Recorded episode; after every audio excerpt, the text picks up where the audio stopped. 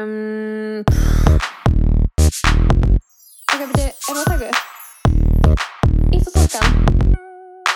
Ég er bara að glemma hvað ég ætla að segja. Uh, ég veit það ekki. En hvað voru að tala? Þannig að ítt og takkan. Ok, aðteglisbrestur. Á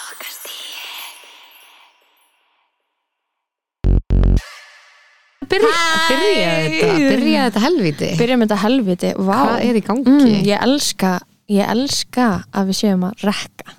Ég elska, Ég elska, ég kom að með vera komin aftur í poti piparkökusúklaði Ég elska að vera að drekka kaffi úr bolla sem stendur á auðun. Ég elska að um, við séum komin með gest Ég líka sko, við erum komið ekki að gest. Um, Það er einhvern veginn, tímasetningin er ekki tilvíðin Nei, og þetta var útpælt frá okkur svona marketing Já, markaðstildin kom saman. Sko markasteld podcastins samanstendur af uh, Agli Ástráðs. Hver er með, með honum í þessu aftur? uh, Það er eiginlega bara Egil Gellan í Ástrós móðurskipinu. Já. Hvað er hún? Marja Já, það er einnig Marja í móðurskipinu. Marja í móðurskipinu. Egil Ástrós, Sunna Ben. Já, uh, og hérna nokkru góðir. Komu saman. Og ákváðu það að það væri markaðslega strategist fyrir okkur. Magnús Geir var in, in on it skeið um, að fá gest, gestin í potti í dag. Get the band together. Get Já, the band back get the band together. back together. Uh, það er náttúrulega ekki farið frá hjá neinum að við erum að, Ekki einni einustu mannesku að við erum að fara að vera með uppistand uh, Næstu heldur helgi. og að þessu ótrúlega tilhæfni uh, af einskjæri spennu og tilhlökkun og það er bara Vá. gleði í mínu hjarta. Og gæðslega látt intro. Ég er að snappa.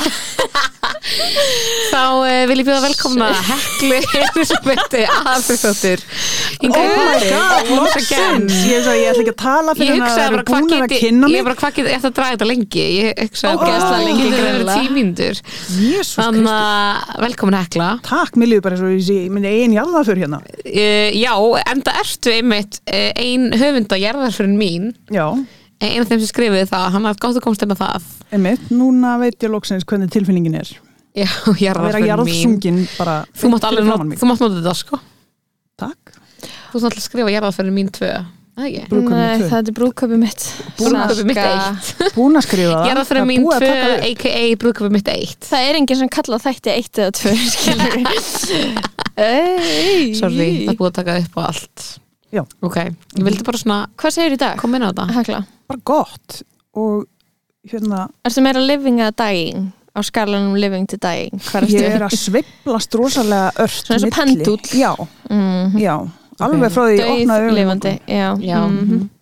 bara svona, já, er ég, er ég lifandi í dag ég, sko, ég er alveg mjög lifandi, að þú veist, ég finn mjög mikið fyrir bara svona því að vera á lífi í dag ég er einhvern veginn að, ég er að fríblýta í, í sætið á Coca-Cola stúdíónu, er þetta Coca-Cola stúdíó? Nei, þetta er eigilstofa Ó, á Egilstofu Mhm. uh, mér er að blæða út en ég kom með pipakökusúklaði Það er flott. Þannig að Þetta er svo það er svo ógislegt að fríblýta ég var að horfa á eitthvað svona you TikTok í morgun eitthvað svona the, the pros of free bleeding og það er eitthvað svona know this, no, ekkert svona, ekkert svona. Og maður eitthvað já, en þú er samt öll í blóði þannig að you lost Já, maður það ekki konso Bara- nefndur. Var ekki verið að segja eitthvað, já, en þú verður alltaf í blóði og það verða blettir á allir sem þú sest á Hvað þú veist, hverjir eiga að vera kostinir við þetta? Eh, eitthvað svona, þú getur ekki fengið toxic shock syndrome og Hvað eitthvað það? ble ble blu, það er eitthvað svona færð þú getur fengið, það þarf, það þarf að vera sár inn í píkunniðinni og svo þarf, þarf eitthvað svona eitthvað ákveðin atbyrrarás að fara á stað og það kemur eitthvað svona blóðsýking eða þú veist, blóðið pluss eitthvað efni valda einhverju Efni í þess að túrtöppum eða eitthvað? Nei, bara þetta Dumbbitum. getur gerst í dömbiti líka sko. Það, það þarf alltaf Hættunar við að vera kona, það er alltaf eitthvað nýtt. Ég ætla að taka sensinn á því að fá toxic Toxic shock syndrome, en það er samt alveg con Já, en þú veist, mér finnst bara mótlætið við það að vera á blæðingum alveg nógu helviti mikið Já, til sem að sé ekki allir út í blóði Já. í ofanálag þannig að Salka var að grínast hún er ekki að fríblýta ekki fríbýta ef maður Ég fríblítar þá verður maður að gera það heima Því munu bara koma að staði því ég stend upp úr svona stóli lókpátt sko. þá munu koma að staði hvort ég var að lífa ekki. Það fyrir svo spennandi. Mm En Hva- ok, ekki ég, afspennandi ég ætla að spyrja einu öðru. Ok. okay. hvar erst þú líka að hekla á skalanum svona túraktivismi til girlboss, látum eins og konur fara ekki á túr hvar er þú á þeim skala? Ég persónulega? Já, bara svona skoðanir. Um, konur að tala um túr, hot or not skilur bara ég er bara tím konur gera það sem uh, þær vilja. Ok, Og- ok, segja það non, vilja. non skoðun. það er girl boss skoðun? Uh, Nei, ég veit ekki. uh, Komst það þegar við fyrir mig ferli í mæ ég er svona, þú veist ég, ég er hérna ég er á móti þöggun í kringum blæðingar mm en mér langar líka alveg að tala um eitthvað annað. Já, og Já. hérna ok. og ekki að hafa þetta hérna, the center of my life. Þó svo að reyndar, þá finnst mér núna eins og þú veist, með hverju árinu þá stjórnist ég meira af tíðarhingnum Já, heldur en árið áður. ég En ég er ókslega til í að bara tala um tíðarhingin og, og þú veist, minnst veginn blóðið er einhvern veginn minnsti parturinn að því Já, einu sinni var það Já, blóðið var einu svona einu parturinn af þessu. Akkurat. Núna Núna er það það- hormónanir Já, Sko, mér langar ég var náttúrulega suicidal í gær, sko. Já, eins og ég hef verið og þú varst alltaf ekki að tengja við að þú var svo sjaldan á túr. Já, ég bara man ekki, málið er að ef þú fer svo sjaldan á túr af því ég er með PCOS uh, þá gleymir maður öllu sem gerist þegar þú fara á túr, þá til að gerist. Þannig að þú er bara, nei, ég veit ekki hvort ég tengi við þetta. Ég er bara með minni svona eitt mánu aftur tíman þannig að í gær var ég bara eitthvað lífið umlægt, mér langar að gráta svona I'm fimm ready to sinnum die. Ég er ready to die, ég er ready til bara svona, mér langar til bara að verða fyrir svona léttu bílslisi þannig að ég þurfi ekki að gera neitt. og örkumlast. Í svona nokkra vikur skilji ég, Mhm, svo var ég, vaknaði ég í dag og var bara byrjuð á túr og var bara, ok, lífið er gott. Sko, konur eru veikara kynnið akkurat þegar það er PMS-a já, það Og það er að bara fakt en mér finnst ég alltaf vera á einhverju svona states of PMSing núna, Já, já, þú veist eins og um helgina þá var ég bara brjálið og Mhm. það var að því að ég var með eglos komst ég að, já. Mér finnst samt þetta er allt, ég ræði miklu betur við þetta eftir að ég byrjaði eftir að trakka Mhm. tíðarhingin Mm. af því að þá allavega skilja svona sirka Já. Hvaðan þetta er að koma. Já, Já. þú bara svona, þetta er ekki alveg verið hatur sem ég finn til, já, til eiginmanns míns. Bara Einmitt. svona, það er ekki, einmitt, þetta er hatur en það er hormónadrifið hatur. að kýla alla menn í pungin já, það er einmitt. gerfið þörf. Já, það er gerfið þarf það er óslega fallegt sko. Mm, ég var einmitt að fá mér þetta app aftur og þú veist, út af því að ég var með að seinast fyrir nokkrum árum þá var eitthvað já, þúsund dagar síðan þú fórst seðanst á túr ég er eitthvað, heldur það? já, ég hugsa þetta það? líka, þetta er rosalega heimst app, bara já, 700 og eitthvað dagar. Bara hvort er líklega ég hafi glimt að nota þetta eða það sé þú dagar. Bara heldur í alvörunni að ef ég er ekki að tala um það við þig að þá gerist það ekki. Já, ég er núna á 60 daga tíðarhring. Audacious Já, ég er Sex- hérna, mitt er núna uh, appi er að reikna með þetta sé 40 dagar. Já, já, þetta er veistla rosa gaman að vera kona. Það er æði Ég Eh, ég veit ekki með ykkur. Já, ég er hægt að skoða þetta túrapp Já, ok, við erum að fara að vera með sjó. Já, við erum frá með sjó. Já. það sem við fjöllum um um meðal annars vænti ég hvað það er gaman að vera kona?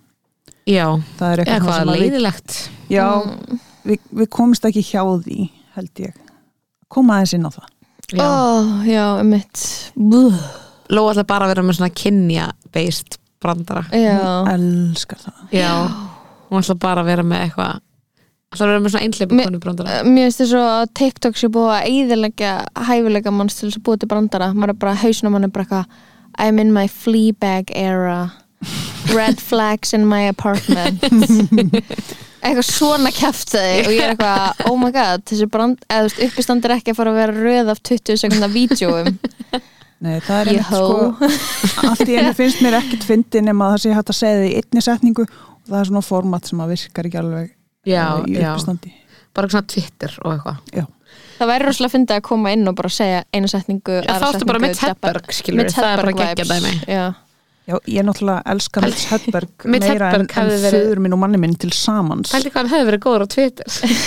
Ég veit það, ég hugsa svo oft um hann í einhverjum svona aðstæðum bara, ó, hvað ætli Mitch Hedberg hefði sagt um þetta? Hann hefði verið að tvíta bara rice is good when you wanna eat five, þú veist, five If you million of something? 2000 of 2000 or something og fólk hefði verið bara like, Like, like, like, like, like, like like, like, like. fólk hefði verið að retweeta sko vilt og galið ég, ég er svona að reyna semja grín fyrir uppstandum mitt og ég er með svona ógeðslega stórt blokk sem ég kemst ekki framhjá þú veitir svona þegar maður er með eitthvað þráhyggju fyrir einhverju og maður langar að þú veist tala ekki um það en það er það eina sem maður getur talað um þannig ég er búin að setjast niður gett oft og vera eitthvað veip ég elska veip bara veip, hvað er þarna?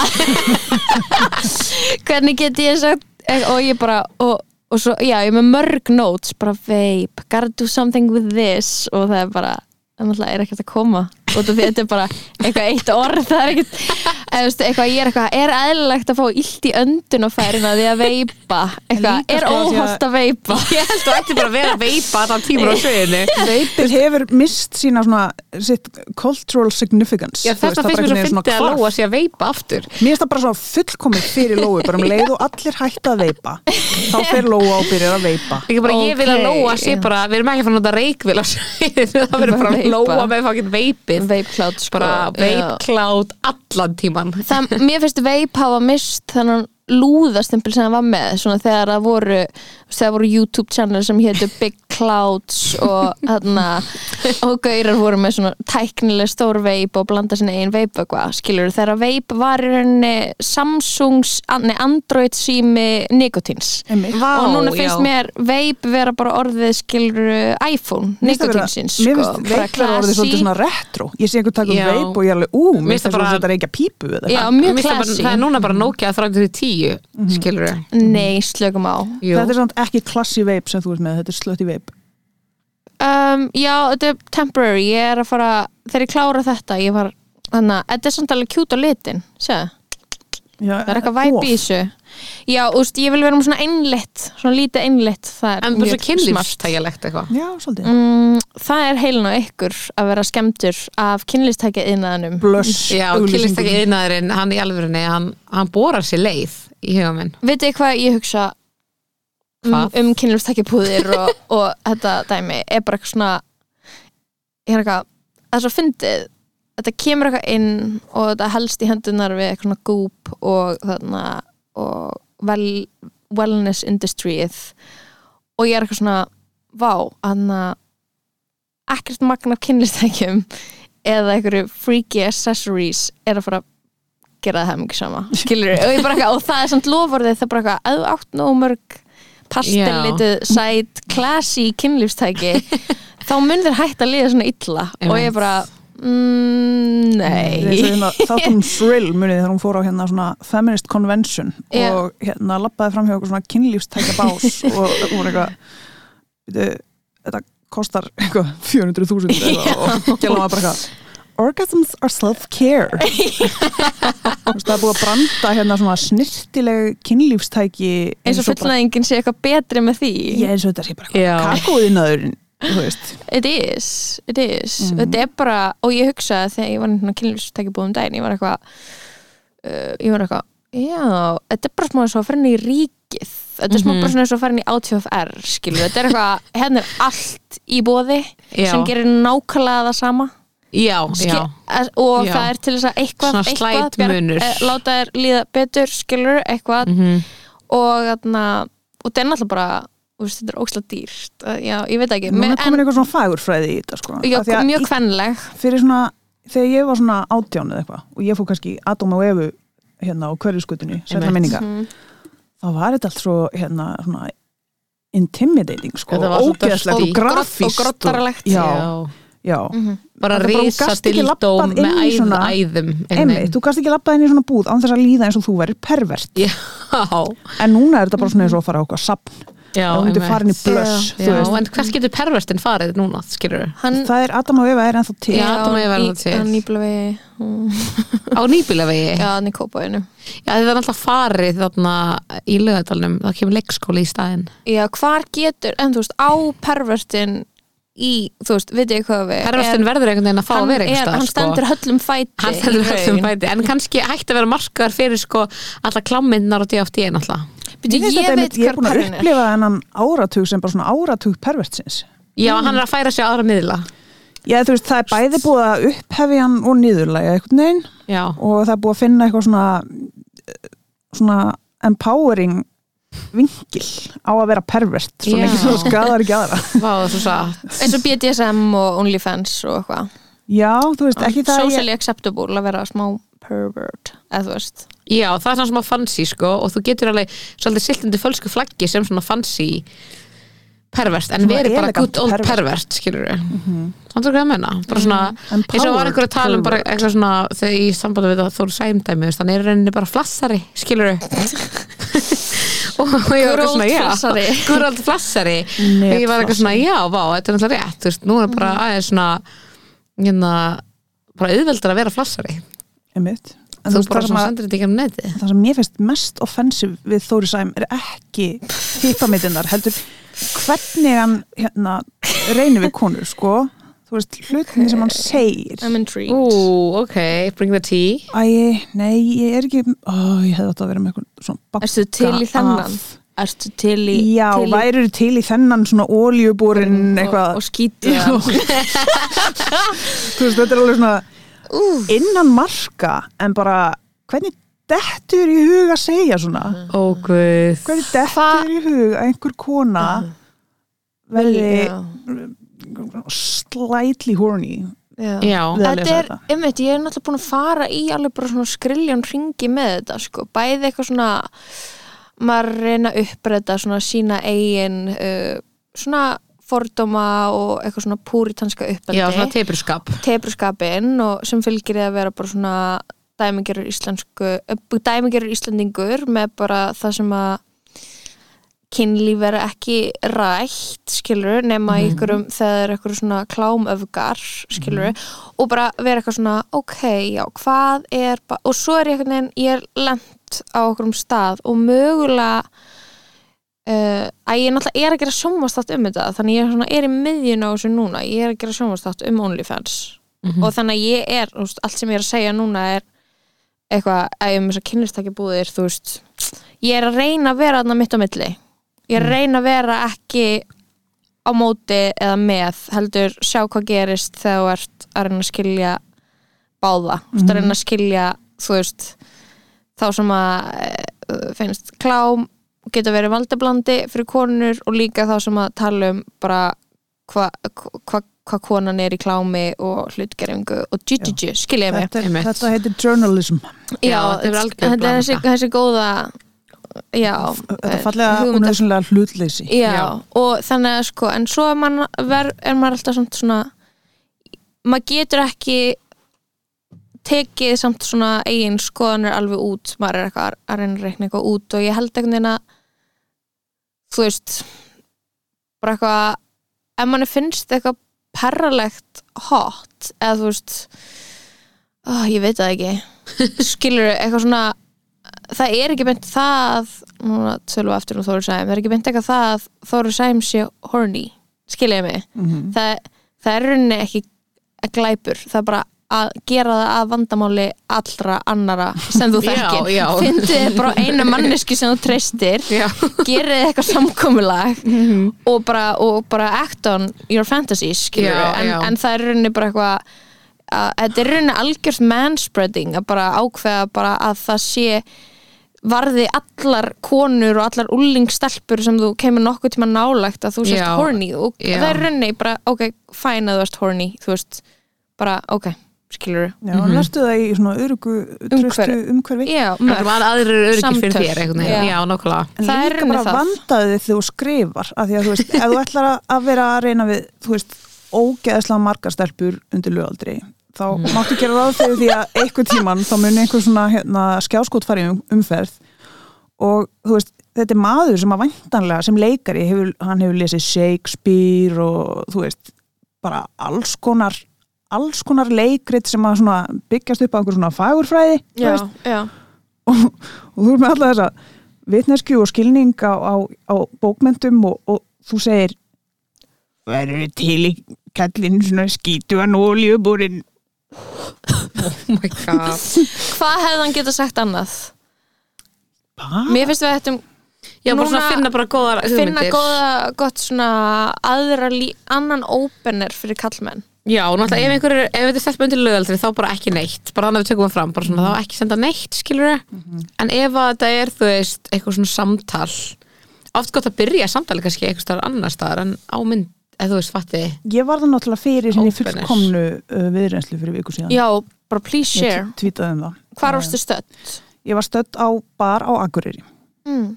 og ég satt ein M- most horny town of Reykjavík, eða ekki?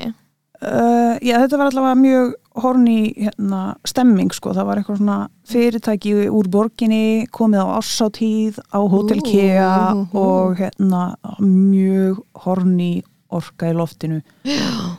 Og hérna og ég sitt ein og það kemur einhver svona maður, hann stendur á barnum og svo Já. horfir hann á mig og hann svona öskrar eins og það sé miklu hérna hærri tónlist inni heldur en raunin var sko. Mm. hann segi mér langar alveg ógislega mikið að tala við þig ég bara þórið ekki. Og svo stormaði hann burt, þú veist. King. Já, og ég hugsaði bara svona þetta er, þú veist, Nei, þetta er ekki king move. Jú pínu af því að þú veist, hann er búin að lýsa yfir áhuga en segja, ég ætla ekki að og draga sér bara strax í hlið Já, dreifur sér strax í hlje og, veist, og þá er hann búin að planta í mig að þetta að það er í rauninni mín ákvörðun ef að ég fer til hans og segi þú mátt tala um mig. Uh, Nei, ég er ósamálega þessu. Mér finnst þetta respectful Byrju, king move. uh, ok, byrju, mér langar svo ógeðslega mikið að tala við þig en ég þórið þig ekki Já, Nei, mm, þetta gerir ekki neitt fyrir mig oh, Þetta er- mér finnst það geðveikt, mér finnst það eitthvað svona Þetta er svo. Mér finnst þetta svona Mr. Darcy. Svona auðmingilegt Nei, Þetta er er bara, Darcy. þetta Þetta er bara ekki Mr. Darcy Víst. Nei víst, hann er nákvæmlega svona einmikið Hort á Pride and ég var að horfa á hann í Prejudice gær Máli, Hann myndi það sem hann segir ok, það sem hann segir er Hann myndi koma að gera henni Hann myndi koma mm, og gera lítið úr henni og fara en. Lóa, Já. þú veist, ok, kannski þú tekur bara það sem hann segir Uh, okay. þá er það pínu umíkilegt eða eitthvað en að því hann öskrar þetta á mig þá er þetta pínu Þá er það unhinged Já, á einhvern svona uh, óbúrslega sérmennandi hátt ef að þú hérna ert kona sem að hérna laðast að óstabilu mönnum Mhm. sem við fl- flestar konur gerum, ekki satt? hvað hvað segir Lóa? Hvað með Kannski ekki þegar við tökum það eitthvað lengra. Já, jú, líka því ég teka lengra. Já, já, já. Óstabilir menn, já, ég veit það ekki sko, það er náttúrulega fæðradagurinn í dag. I can fix them. Það er fæðradagurinn í dag. Til hamingi feður, nær og fjær. Til hamingju Pete Davidson, my daddy.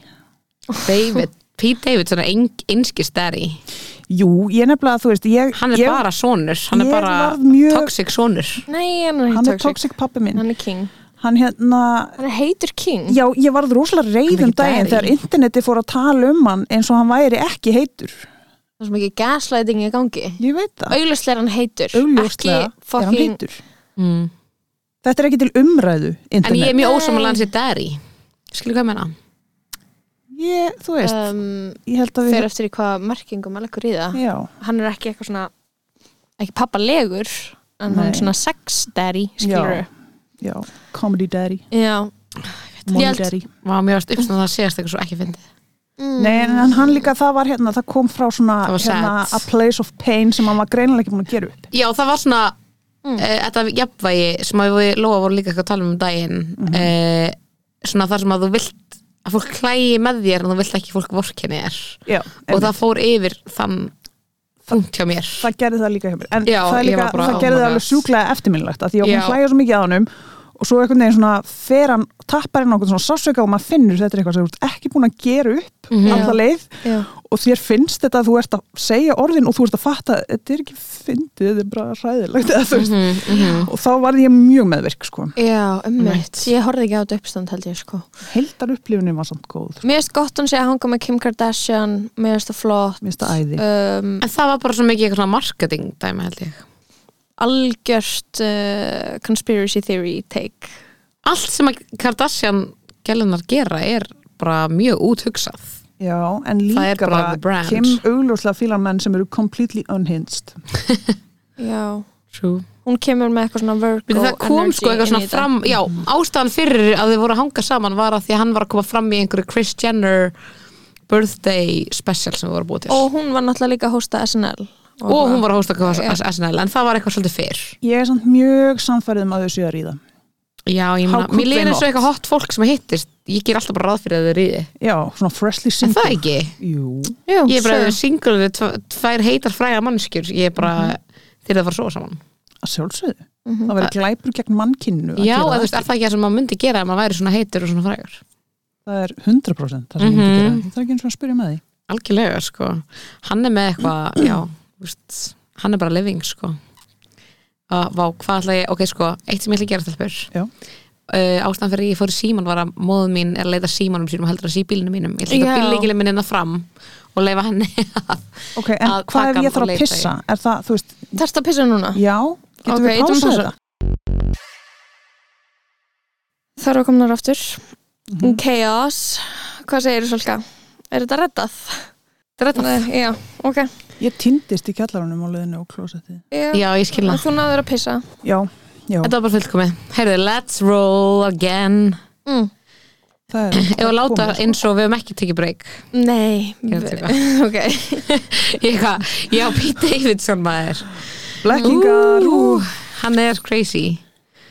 Mm, Sko er hann það? uh, Nei, Crazy ég er bara fulla. Ég, hana, ég ég hef í alvörunni Þú veist Hanna ekki nógu sterk skoðun á hann en ég myndi aldrei gaslæta eitthvað og segja hann var ekki heitur. Nei, það myndi ég ekki gera. Ég held bara að allir myndi svo hjá honum sko. Shit, samt. hvað ég meina? Þú veist, hann er ekki, alls ekki mín típa en það myndi bara svona allir svo hjá honum og því hann er með eitthvað væp það hafa allar gælur tekið tímabil þar sem það sváfu hjá einhverjum svona Pete Davidson manni. Mm, True, já. En ég var bara að komast að því að, að hérna, maðurinn sem ég kallaði hann er uh, fjórum árum yngri en ég. Já, Þannig að hvernig læti þér að líða? Vá, ég bara fór í svo djúpa tilvistakrísu bara Já. nú leitni Mm ég er bara svona að hrapa Já, ég veit það sko. Já, það er ógeðslega að eldast það er viðbjóður mm -hmm. að eldast í þessu samfélagi sem við búum í sko. Mér finnst það æði. Svona, mér finnst það æði þangað Nei. til bara mjög nýlega þá fattaði ég sko mér fannst svo gaman skilur ég var svo spennt fyrir að verða þrítug mm -hmm. að því sagði, þá taka allir mark á mér og ég verð Mm legitimate fullanum kona Ok. svo veist er go? skriðin svolítið yfir, það, það gekk mm? já, Mm. það hjálpa kannski ég sé hávaksinn Já, það gerir það sko ég held það, 1.90 á hæð mm uh, nei ekki alveg uh, jú, í þessum skóm mm -hmm.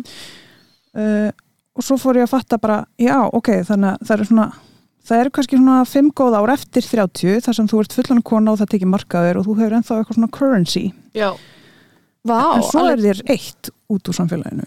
Já, alveg, byrju, alveg til 35 já, ég myndi segja það. Ég, meðast mitt verður farið. Er þetta ditt um að sí? uh, Nei, að vera eitthvað svona með eitthvað hotness currency. Hmm. Já, já, já, ég er alls ekki með það. Ég veit samt ekki hvort ég hafa einhvern verið með það ég, þú veist, Can't last what you never had. Nei, bara the currency Uh. of youth er eitthvað sem við hérna, já klálega, bara svona algjörlega bara eitthvað svona fólk er svona spennt fyrir því sem þú hefur fram að færa og hvernig þroski þinn hérna, Þú ert á leiðin eitthvað, skilur. Mér finnst ég bara að vera mistróska skilur ég er bara eitthvað æja, orðna gælan sem er not growing up skilur ég er bara, og það er ekki það er bara svona eins og Charlize Theron í, í Arrested Development vibes bara, já, þú ert að bara upplega hún er já, byrju, hún er verið að þú 28 hún er með hasir þunglindi og kvíða hún er hasir eins og sé 17 ára uh, það er svona fucked up Ég held samt að það sé bara ógæslega margir okkar aldrei sem eru of mikið að haga sér eins og þessi færtir, skilur við mm. Mér finnst ég fara fram og tilbaka sko. Mér finnst ég geta alveg á einum degi flakkað á milli þess að vera nýræð og Já. 13 Mm. Já, þú veist, ég held að við séum líka bara á Íslandi það er alltaf svo ógæslega hæpar með þetta um hvað allir aðrir eru að gera. Já. að það er einhvern veginn svona verður eitthvað svona, já, hvað er þess að gera með þannan og eitthvað, við erum eitthvað svona aðeins og fljóta að vera eitthvað, já, nú þetta bara vera settled nú þetta bara vera komið. Mhm. er ekkert þannig? Nei, mér finnst það mitt oft eins og ég sé þú veist, að taka út einhvern svona þroska, ég er búin að taka út þetta ég er búin að læra þetta og ég er bara, vá ég er svo ánað með mig, þetta er svo fullorins að geta liðið svona og eitthvað. En hérna, það þarf svo lítið til að hrifsa það af mér aftur sko. mm Mér finnst samt líka eins og sko ég er svo tilbúin í næsta tífambili lífum mína sem ég veit ekki reitt hvað ég er að gera. Því núna finnst mér ég vera eitthvað á Íslandi og ég vera með svona langar að vera lost aftur. Já, mér langar að vera lost aftur sko. Mér langar að vera eitthvað veist, ég með smá svona mótrúa fyrir því að ég sé eitthvað, já ok, ég veit svolítið svona smá hvað ég er að gera. Þú veist, mér langar svona fyrir til útlanda þar sem að ég veit ekki neitt og er bara eitthvað að reyna að finna út úr því þú veist, og Ég tengi bara sársöka við þau tímabili í mínu, sko, sársöka og vera vera nobody og eitthvað. Já, ég það lúmst sko. Vera bara eitthvað. Ég fíla mig ekki í þessum aðstæðum þar sem að ég er bara eitthvað að reyna að segja hver ég er og fólk er bara þú ert ósynileg og þú ert útlendingur. Mm það er rosa eitthvað neginn erfitt sko Já, Ég verður bara svona til að fara í eitthvað sko. nám skiljiði mig, bara svona vera það er í einhver þannig eitthvað svona vera bara eitthvað svona, já, þú veist, ok. En Já. kannski einhver allt öðru en ég er að gera núna. En Ég er einmitt á einhverjum svona stað þar sem ég vil alls ekki láta augra mér eða mínum hugmyndum um hver ég er og hvað ég er fram að færa. Já, ég skil. Það bara kom mér algjörlóru jafnvægi. Já, það er þú ert að koma út úr miklu svona bara svo við tökum þegar eins sem gest þú ert að koma út úr eitthvað svona megatörn þú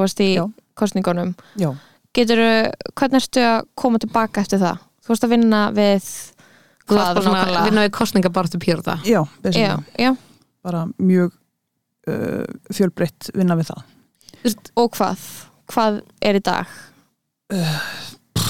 Þú veist, það er náttúrulega ekkert þing þannig að hérna, Það er bara eitthvað bylling búið að vera mjög löng byðstaða og Mhm. hérna um, fullir það er miklu verra fyrir hérna fólki sem veit ekki hvort það er að fara að setjast á þing eða ekki heldur um fyrir mig per se. Já, já, en það er samt ótrúlega hérna svona ófullnægjandi tilfinning að, að hérna setja allt sem þú átt mhm. í eitthvað og býða svo í sjö vikur eftir eftir einhver svona niðurstöðu. Já, Mhm. Það er bara eins og að senda inn listamann að launa þú veist. Já, það er eitthvað svona þú ert búin að tæma þig já, alveg inn í Mhm. eitthvað og þú býst við því að fá einhver svona uppskeru í kjölfarið. Mhm. Þú veist, ekkert endilega einhverja æðislega niðurstöður heldur bara, þú veist, eitthvað svona endanlegt. Já, já, já, Já, og, og það kemur ekki. Og það er búið að taka einhvern veginn, það er crazy. Já. Mér líður eins og ég sé að funkar á svona 2% heilastarsmi Já, já, já, já hvernig varst að koma þér í gegnum þessa kostningabaratu? bara, Var þetta bara allir dagar bara þú vaknaðir og bara þangað til um kvöldið bara að vinna, skilur við og mér fannst það sko, mér finnst það ekki eitthvað gaman mér finnst gaman að taka tarnir Mhm. og hérna uh, eina sem að ég svona eftir á hyggja vildi að ég hefði passað betur upp á var að þú veist, halda ákveðnum hlutum inn í rútínunni sem Já, að já. halda manni svona semi-sein Mhm. Svo reyfingu reyfing, hugleðsla þú veist, Mhm. setjast niður og borða mat Mhm. ekki vinna á meðan. Já, já, já, allt sem maður veit að maður þarf að gera. En þú veist, ég veit ekki, ég get sko, slitið mér út mjög mikið ef ég veit þú veist, hvenær það endar. Já, já, já, já, emitt þannig að þú veist, það var bara mjög fínt og svo steinabúl þangað til að hérna, þessu lauk með einhvern veginn yngri niðurstöðu. Akkurat Það er svo crazy, ég skil ekki alveg hvernig veist, nú er alltaf eitthvað svona að vera að tala eins og ríkistjórnin sé bara eitthvað, það sé alltaf smetla en ég er bara eitthvað, hvernig er hægt að vera ríkistjórn með einhverju fólki sem er bókstælega bara þú ert bara eitthvað svandi svástóttur og kemur út og ert bara eitthvað, heyrðu þessar takmarkanir eru. Og svo kom bara þeir sem eru með þér í ríkistjórn út og eru bara, við erum gett og svona ég þetta fundamental hlutum.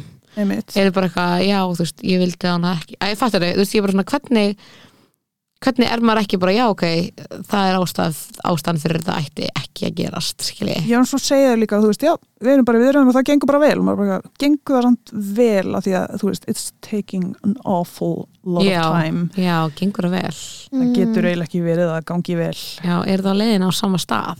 Já, þú veist, það sagði einhver á Twitter, sko, það bara tekur ekki svona langan tíma að endur nýja hjúskaparheitin. Já, einmitt, þannig að, já, en ég skil ekki neitt hvað er að gerast með þetta kostningadæmi, það er alltaf, alltaf, alltaf í einhverju dagsur í borganes Já, og það er alltaf eitthvað nýtt að koma í ljós. En það er ég- alltaf bara eitthvað en hvað eru þessi, sorry.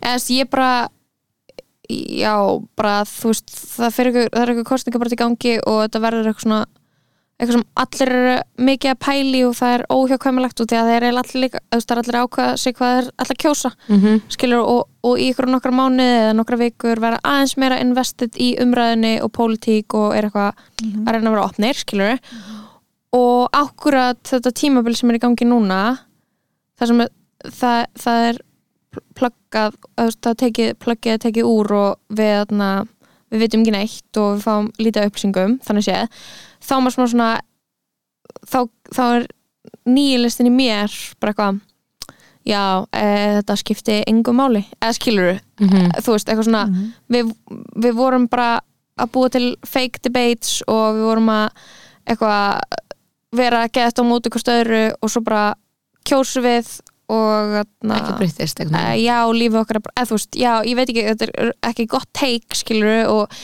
en svona, það er svona smá eins og þetta hafa aldrei gerst Já, Mhm. fattiði mig, svona eins og þarna já, maður já, eitthvað, það var rosa mikið í gangi og svo er það ekkert fattiði eins og þú væri að hana, fara í eitthvað svona vinnuferli og þeir væru bara að setja saman eitthvað geðika pælingu og get pitch og svo kemur að því að þeir eigið að hitta eitthvað og pitcha og eitthvað til og það gerist ekki en það voru bara þúsund klukktímar.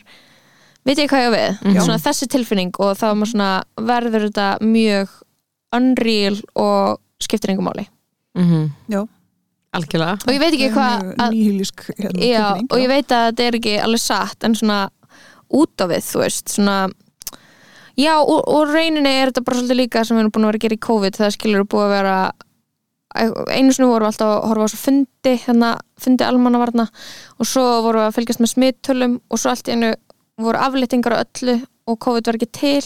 Svo allt í einu búm, kemur það aftur og maður er bara, Við nei. erum alltaf að gera eitthvað, við erum að fylgja einhverjum fyrirmælum og hérna, þú veist, og færa einhverja fórnir. Í vonum að það muni skil einhverju, en við erum bara núna allavega í COVID á nákvæmlega stað og við vorum á, þú veist, fyrir ári. Feels like sko.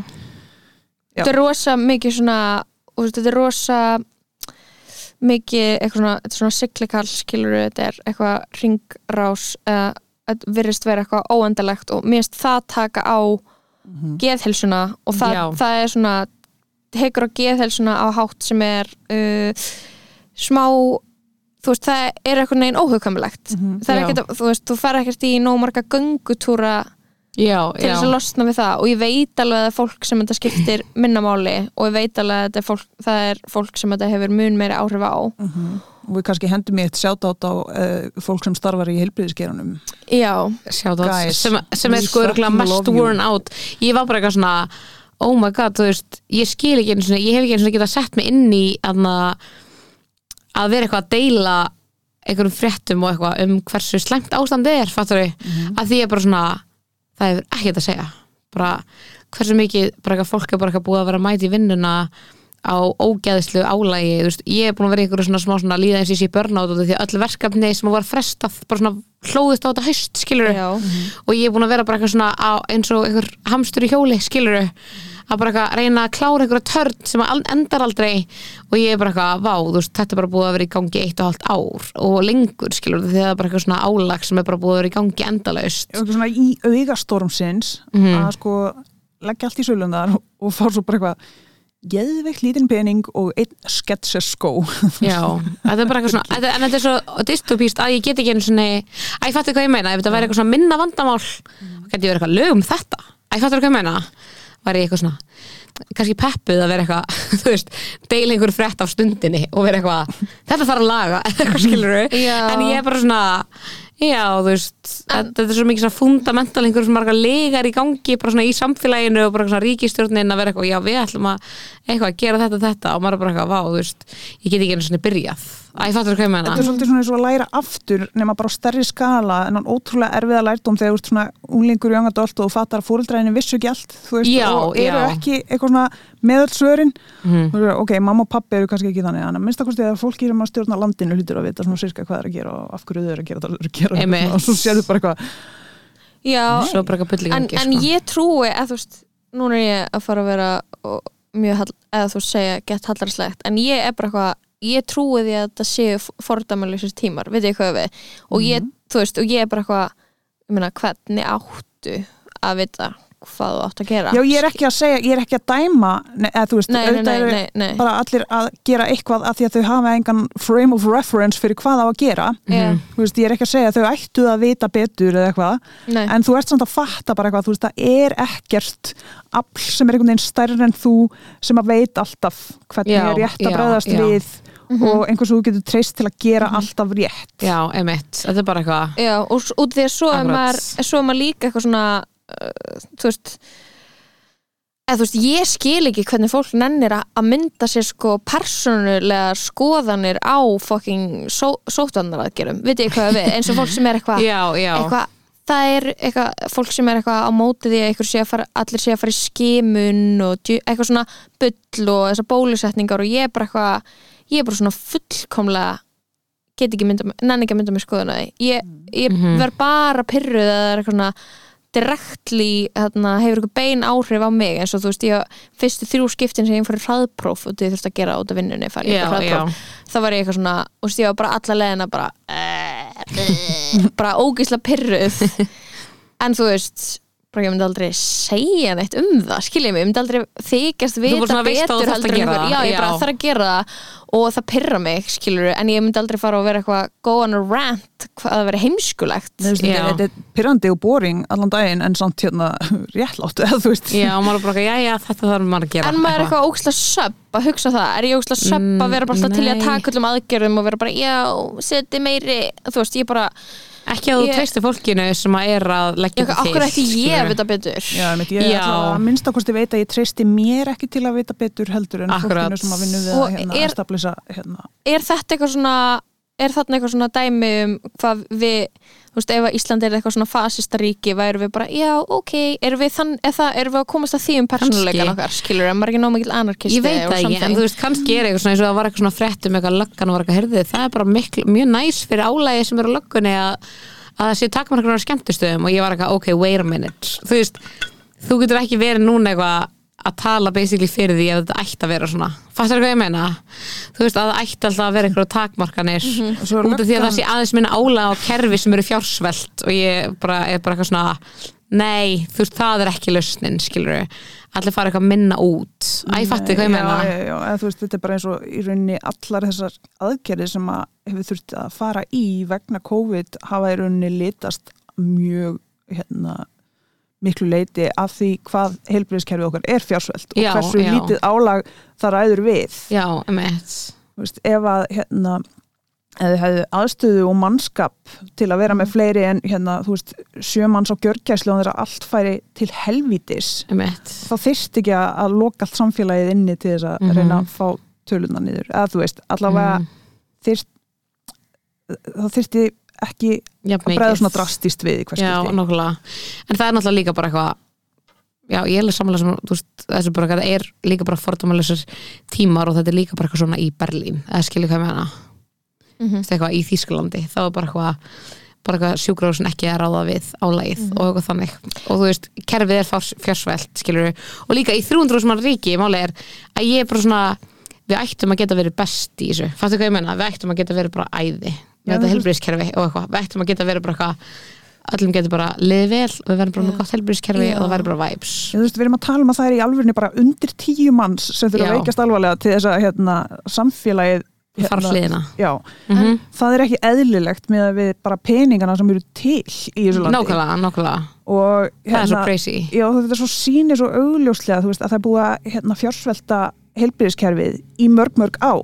Þú veist, ef Mhm. þetta verið nýtilkomið vandamál mm þá væri þetta ekki að, hérna, að valda svona miklum skada já, nákvæmlega. En ég er bara eitthvað, ég er smá bara svona hmm, þegar út af því að þegar við erum að fara svona í þú veist, hvað er þetta fymtu, fymta skellin skilur við, Mhm. þar sem við fyrir upp og niður og upp og niður og stoppum þetta og svo sleppum við hann aftur og stoppum hann aftur þá er ég svona eitthvað um, ok, en hvenær er þetta þá búið? Er, og ég, þú veist, Mhm. þunglindi sem ég upplifi fattar við, er eitthvað svona á ég bara ekki að fá að þú veist, live my life undir hérna lok my 20s og það er óslega, já, e, já. út af því ég er eitthvað svona eitthvað, ég man bara svona, við byrjuðum eitthvað mars í fyr, hérna fyrra, skilur Mhm. og eitthvað, ok, og það var súrt og svo var maður bara ljótar og ljótar og ljótar og ljótari og leðilegur og leðilegur og leðilegur og heimskar og heimskar og heimskar og svo eitthvað, herðu það er eitthvað að gerast, þetta er að fara að vera betra. Og svo eitthvað, nei, nei, nei, nei út að vera heima hjá þér Já. aftur og aftur og aftur og aftur og aftur og bannað og bannað og bannað. Og það er eitthvað svona byttu nú við. Nú er þetta bara, þú veist, núna verður bara þrítug bara eftir þú veist, eitt ár og bara hvað hvað er ég að fara að gera á þrítugsammalinu mínu og hvað er ég bara, veist, er ég bara ég hann valdi ekki að vera einhver hermit sem fer ekki út úr húsi og hann mér finnst það ekkert gaman. Og hann og þetta er ekki að lifa í velsæld fyrir mig og þetta er ekki veist, þetta er, þetta er ekki gott. Og þá er ég bara, getum við, erum við ekki bara að fara erum við ekki að fara að játa okkur sigruð? Ef við ekki bara öll að fucking fá COVID og bara, þú veist, Já, hérna já. hérna er ég, eða þú veist, það er ég ég er að hugsa svona, ég bara, ok, þú veist ég var miklu hrættara við þetta í fyrra ég var bara, uh, þau verður veik, þá deyja þau svo fekk aða minn COVID. Bara fucking ferskur á því núna, þú líka búið að bólusetja hann, en ég bara svona já, bara ég, fó, ég fór ekki bústerinn og, og það var ekkert eitthvað svona pólitísk ákvörun eitthvað anti-vax ákvörun að fara ekki bústerinn ég bara var fokkt af einni sprauta af Janssen og þetta var í ykkur viku sem það var ógeislega mikið að gera á mér. Var bara, ég bókstala hef ekki tíma til að vera svona veik þannig að thanks but no thanks skiljið mig. Og ég er eitthvað, við bara og núna eru allir líka með eitthvað niðurgangs og ælupest og bara og ég bara eitthvað, voru við alltaf voru við alltaf að fá svona mikið að flensu og var alltaf að fara svona mikið í fokk út af því? Mhm. Æ, þú veist, ég veit ekki, ég veit veit þetta er, já, þetta er er að svona. tilgjörslega teik en ég bara, ok, hvað hann að hvað ætlum við að spila hann leik lengi? Þú veist, Mhm. hvað hann að hvenær ætlum við bara að segja stopp og gefast upp? Já, sko, ég, ég held að þetta sé bara svona samanlegt dæmi er sko að þú, þú, þú ert færum að, að sko höndla ákveði mikla þjáningu. Mhm. ef þú veist hvenær henni líkur held ég sko. Þú veist, pældi í mununum á því til dæmis að vera í fangelsi og Mhm. vita hvenær þú ferð út Já, versus það að þú ert sæður í fangelsi og þér er haldið í algjöru óvissu. Já, þú veist ekki hvort þú kemst út eftir tvo daga eða 20 ár. En, en, en svo er samt það náttúrulega mest fokkt upp í þessu sem ég veit er að þú veist, ég, ég lifi ekki þjáningu skilur mig og þetta er ekki þú Já, já, þetta er svona millistig- þetta er svona svolítið. já, þetta er þjáning náttúrulega klálega ef þú, ef þú stundir óvissan sem slík er þjáning. Já, ok, Mhm. já að, þú veist, Já, og ég held að þessi fólk að núti sem er bara hefur það mun verra og þetta fektar vinnuna þeirra miklu meira en ég, við verðum, verðum svona að gefa því alveg skila það er alveg búið að sökka að vera sviðslistamæður Mhm, bara, mhm. þú veist, það er búið að vera virki, bara, Mhm. bara hlutir sem voru að fara að gerast, gerist ekki og bara Mhm. pælingar og bara maður að fresta og það var Já. umulegt skilur og Já, þannig að þú veist, já að, þetta er mjög skrítið, maður er svona má mér líða svona, eða hvað er að mér og Já, bara já. vera í ykkur svona victim mode og svo vera eitthvað haldi kæfti, ég er forriðinda byggla og þetta er svona þetta Já, er algjört já. svona þetta er algjörlega fucking svona kjarnar tilvistmanns sem eitthvað svona hvít vestran manneskja the 20th century, allir er þunglindi með kvíða og eitthvað svona líður smá illa en er, við erum alltaf að bera eitthvað saman við eitthvað sem hefur að verð þannig að við eigum ekki alveg efna á því að þú veist vorkinn okkur svona mikið en það er eitthvað þjáningarna og þetta er bara mjög heimsbyggilegt Já, en það er líka, þú veist, finnst alveg ákveðin munur á því að vera í sjálfsvorkun og að viðukenna eitthvað sér vond þú veist, Já. þú getur alveg verið bara, já, þetta er ekki eins og ég vil hafa það og það er sárt að ég er manneskja á þessari jörð og það er bara, þú veist það er vond, en þú lætur þann veginn stýra þinni hegðun eða eða næra samfæraði um að, að þú sért eitthvað svona sérstakt fórnarlamb þessari aðstæðna Einmitt. þá er það komið út á óhjálplega braut. En þú veist, ég veit ekki. Ég held að það sé bara ágætt að við viðkennum það að þetta er ekki æði fyrir neitt veist, og, og það eru afleðingar af þessu fyrir okkur. Og það að segja það uppátt við sig er ekki að gera lítið úr þjáningu annara sem er verri. Algjörlega, ég held líka þú veist, mér var samt líka eitthvað svona ákveðið progress í því að bara svona þegar að uh, maður getur gert þetta hraðprósleiða dæmi. Þú veist, ég var bara eitthvað svona, við vorum fórum upp í stand og ég var bara í þunglindi á fimmtudaginn þegar ég vissi að vera svona mér takmarknir og ég var bara eitthvað svona óvissan. Já, ég var bara, ég get ekki fresta þessu aftur, þú veist, ég bara Nei, bara, ef þetta er cancelað þá hætti ég uppistandi já, Það þá var- bara það er Guð hugsun að segja þá að er. Guð að segja við mig bara, þú átt ekki að vera með uppstand já, já, já. Bara, þú átt að reyna að halda þessa sýningu í tvö ár. Já, þá bara svona áið ekki gerast mm -hmm. þannig að þegar það var eitthvað svona ok, hraðprófslegin og ég veit að þú veist að má panta drikja á borðinni í þjóðleikurskjallaranum sem ég er bara að drikja er bara ég veit ekki að þú ert náttúrulega edru þannig að ég veit ekki, Já, ekki það er bara fyrir mig Ég vil segja, þú I vilt að fólki sem að mætir á uppstandi drekki nokkra Já. drikja á meðan. Já, og eitthvað, og ég var bara svona, þetta er bara fyrir vibes, fólk er bara að fara í hraðpróf, þú veist við erum alltaf bara að fara, að fara að vinna með þann nýja veruleika. Mhm. og við erum bara að fara að halda áfram, því ef ég get haldið áfram sjálf líka, bara að fara í leikhús, fara í sýningar og gera eitthvað, þá er ég alveg bara þá finnst mér það bara progress, skilji þá er ég bara eitthvað, nice, við erum að fara að halda sjó, það verður geggjað. Við erum uh, búin að, ég er búin að hugsa hvað, enga finna hugsun sem að COVID byrjaði Ekki í masters eina. 20 uh, mér er ekki þetta góður. brandar í hug hver er búin ég að mun vera með- þú veist, hvað og hvað hver er búin að ná að vera fyndin í þessu ástandi? Og svo líka að, þú veist og, hvað, hvað á ég að segja? Já, ég er búin að vera úslega mikið heima. Bara, ú, Erum við að skilur. tengja það? einhver að tengja þú veist, ég bara þú veist, þetta er fárlegt bara, hei, ég var heima um daginn. Guess what happened? Ég var heima. Oh my god. Já, þú veist, dreftu mig um, Ég, ég, ég mjög margt fyndi gerast þegar ég bara heima eða þú veist, ég, Já, ég, já. svona, ég fyrir Já. andlegt ferðalag og ég til dæmis lærði að strauja rosalega vel það er bara svo fyndi bara svona líka þegar maður er ekki einhverja vinkla og þetta er líka bara að koma á eitthvað staða sem ég er bara svona er eitthvað að, að í viðtalið við eitthvað fjölmiðl og ég nenni ekki að segja eitthvað, já, COVID er náttúrulega búið að vera mjög fattu hvað ég meina? Þú veist, ég Æ. nenni ekki að segja. Já, við erum náttúrulega bara mjög spenntar að koma aftur eftir og COVID. Bara, er ég spennt? ég er bara farin að vera veist, ég, ég ætla að frumsina nýja og verri líkama minn á sviði. Bara, ég var alltaf verið í vera formi. Uh, ég ég er ótrúlega verið eldri. Já, ég hef alltaf verið eldri bæða líkam og sál. Já, Uh, ég er bara, já ég, já, ég er síðan að ég ákvað að gera þetta uppstand. Já, ég er búin að þykjast að 15 kíló.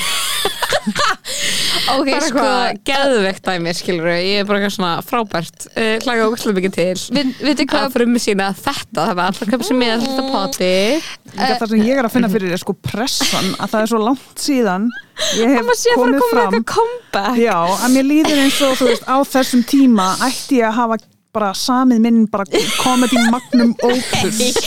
Nákvæmlega ég held að að Bara því where? ég því, ég ég, er samt bara eitthvað svona þú veist, sjálfsefin hefur aldrei verið herri og ég meina bara á öllum sviðum lífsmýns Já. skilur þannig að ég er eitthvað svona að horfa á einhverja brandar og ég er bara eitthvað svona, ég er samt, þú veist, við erum öll bara, eh, þú veist heimsbyðin búin að vera einhver svona löngu samfelldu geðrofi, ég hef engan þú veist eh, ég veit ekkert hvort það sem ég er að horfa á hérna er fyndið eða eða bara raunverulega sorglega já, eitthvað bara svona Þannig að fólk er, svona, fólk er að fara að kaupa þú sér veist. með að annarkost á grínsýningu eða fólk, fólk ánáttúrulega bara að koma til að sína samstöðu og bara fara inn í þess að sam upplifun með okkur. Ekki koma með þetta teik viltu gera svo vel? Ég elska að lóa sér pitcha það eru forréttindi að sjá okkur. þetta er ekki eitthvað saminumst hjálpum Jú, þeim að halda er áfram bara að vera grín og líka bara messa. ég elska að þú sést að koma með teik eins og við séum heilbriði starfsfólk og við, þetta er þess að fólk er að koma út á trapp, trappur og klappa fyrir okkur. Er Þetta er Bob beðin. Geldof fyndnustu minna. Vi, sko, á ég samt að segja ykkur Sýna eitt sem er raunverulega erfitt. Er að þú veist á einhverjum tímapunkti í hérna í haust eða í ár, ég er náttúrulega búin að gangi gegnum, ég er búin að va- fara þú veist, þið vitið ekki eins og lí, hvað líf mitt er búið að breytast mikið á undanfjörnum mánuðum skilur og bara eitthvað, ég að þurfa að vera bara þú veist, eitthvað að taka eitthvað, eitthvað svona mega bara grow up, skilur og hættu að, þú veist, ég er bara ein skilur, ég bý ein ég á ekki kærasta, ég er bara þú veist, þú ert ekki og kött. Nei, ekki, ég á á engan til þess að þú veist, varpa ábyrðinni á, á mér yfir okkur annan mm skiljiði mig, það er engin þú veist, og, og einhverjum tímapunkti þú veist, þegar ég var inn í flækjunni sem ég er að losa mig úr þá var ég kannski að gera og hugsa finna hluti. Og núna er ég einhvern veginn að reyna að fucking þroskast og reyna að þú veist, taka sjálf mig sátt. Og ég bara eitthvað, er eitthvað, herru þú veist, ég ger ekki þessa sömu ridiculous hluti og ég hugsa ekki lengur þú veist, ég, ég er Þetta mig. er solid ég, Nei, ég er ekki of solid en ég er svona eitthvað búin að vera að reyna að vinna að því að koma mér í eitthvað andlet jafnvægi og það er búið að gefast rými til þess út af því að búið að vera aðeins minna að gera á köflum og bara eitthvað. Þannig að það er óslega að finna, ég er eitthvað svona sama tíma og ég er mjög ána með að líða eins betur þá er ég mjög óanað með að hafa fucking miklu minna material til þess að gera grína Já, bara svona þetta ójafvægi sem, Já. að, já, sem að er bara svona besta ég- materjali kemur upp úr. Já, En ég samt, þú veist, ég sko ég, verð bara að segja, þegar COVID kom þá var ég sko að píka hérna andlega og líkamlega ég var Já. hérna þú veist í enga þjálfun ég var enga þjálfun hjá Olgu Dobb Mhm. og hérna og ég var á nógslega mössuð og bara geggja góðum staði í lífinu ég var búin að vera etru í svona sex mánuði kannski þú veist, og var ennþá einhvern veginn svona riding that high svona Mhm. adrenalínu að hafa breytt lífinu innu Já, og bara eitthvað svona, þú veist, að fá allar tilfinningarnar tilbaka, þú veist, getuna til að, að njóta hluta og bara eitthvað gráta því að þetta ský er svo fallegt og eitthvað svona, þú veist, Mhm. og að finnast ég, ok. já, já, en, en indislegt, nonetheless, Já, já. og bara svona, uh, ég var living, ég var bara Sound of Music, hérna, senan þar sem hún er upp á fjalli og er eitthvað svona hlaupi ringi, Já, það var bara þú. það var mitt innra líf at the time, svo kom COVID og hérna og svona fyrst þrjá mánuðina þá var ég bara, wow, það er æðislegt að hafa engin svona social commitments þú Mhm. veist, að ég geti bara eitthvað farið heim eftir vinnu og gert ekkert Mhm. ég þarf ekki að fara í rektina, ég þarf ekki að hérna, fara á þennan viðbrúð eða heita vinn mína ég get bara verið eitthvað ein í haustum á mér það sem ég elska að vera og by the way, það er ekki hérna, veruleiki minn í dag Mhm. að það skal vera einu í hausnum á mér um, hérna og þetta er svona bara, já yfir nokkra mánaða tímabil þá er ég bara loving this Mhm. Mhm. og hérna og jafnvel alveg í svona heilt ár þá var ég alveg að fíla Já, þetta sko. Já, svo einhvern tíman þú veist, eftir sko að við fengum frelsi eftir í sumar Mhm. og það var tekið á okkur, þá byrjaði ég að vera pist Mhm.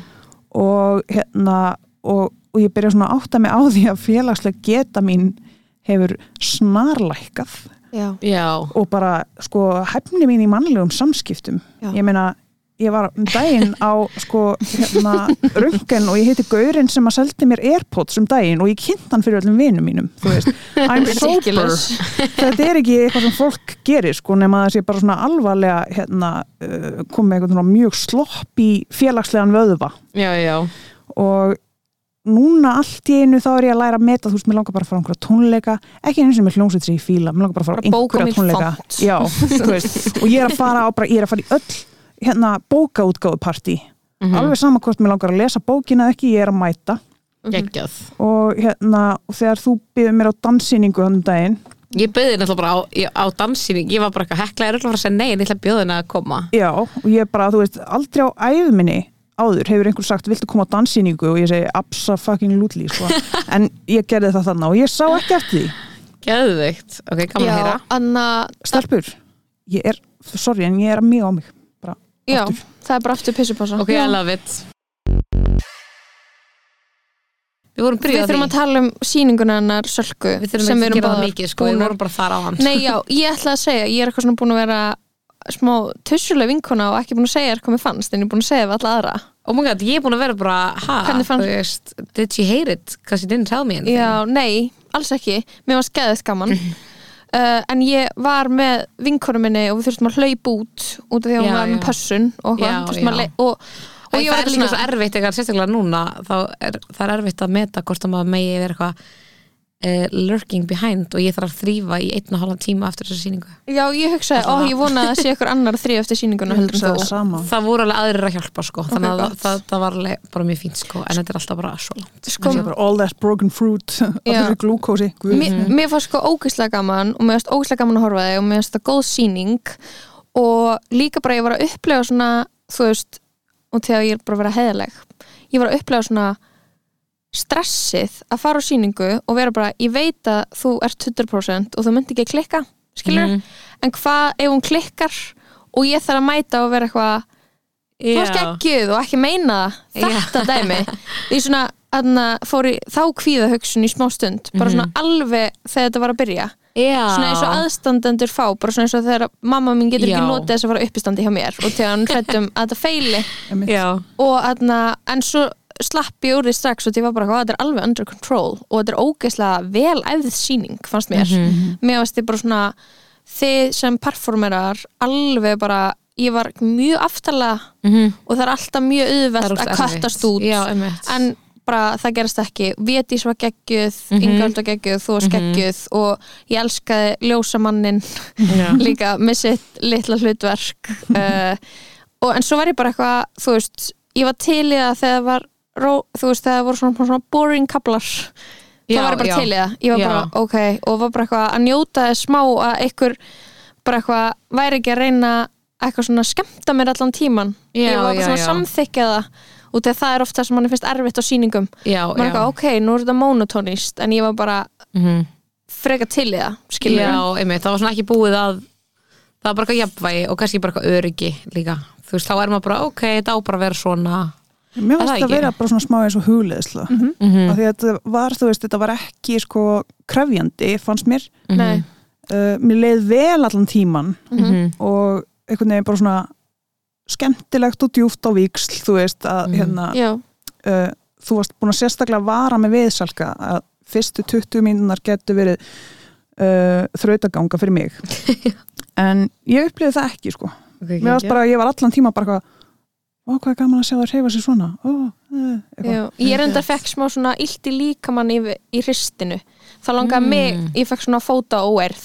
Já, já, þegar ég stundum þegar ég gera þetta gera eitthvað svona dæmi í, í rektinni og ég já, þá er ég eitthvað, ó, nú er ég að vera pyrruð eitthvað, þegar þeir voru að hreyfa ykkur á svo pyrrandi hátt já, já, já. mér fannst það svona- einmitt svo en mér fannst það veginn svona að því að, að bara sjá einhvern lýsa, þú veist, með bara Mhm. líkama og ljósum og myndmáli og hljóði einhvern veginn, eitthvað sem að ég upplifi oft svona inn í sjálfurum mér eða eitthvað, að ég veit ekki já, já, já. Þannig að, að það er bara svona ógeðslega þægilegt að sjá það bara sviðsett, bara einhver svona tilfinningu sem þú þekkir Mhm. og hérna og svo bara allt í einu rekkur eitthvað bara gegja stuð í gang mm Geðvegt. Já, ég elska ég- þessa leikhúsrýni elskaði Eftirspest. tónlistina og ljósin og leikmyndina og hvernig þau voru, voru að vinna með props og það myndi mig á svona fór, myndi mig á eitthvað svona sem að mér fannst skemmtilegt að gera í LHI en eitthvað svona leiði ekki að blómstra Einmitt. og hérna og bara eitthvað vera eitthvað, já, það er gaman í að skilja ekki og það er gaman að vera bara að Mhm. horfa og bara ekki að taka inn. Já, og bara meðast akkurat passlega nógu lítið af tungumáli.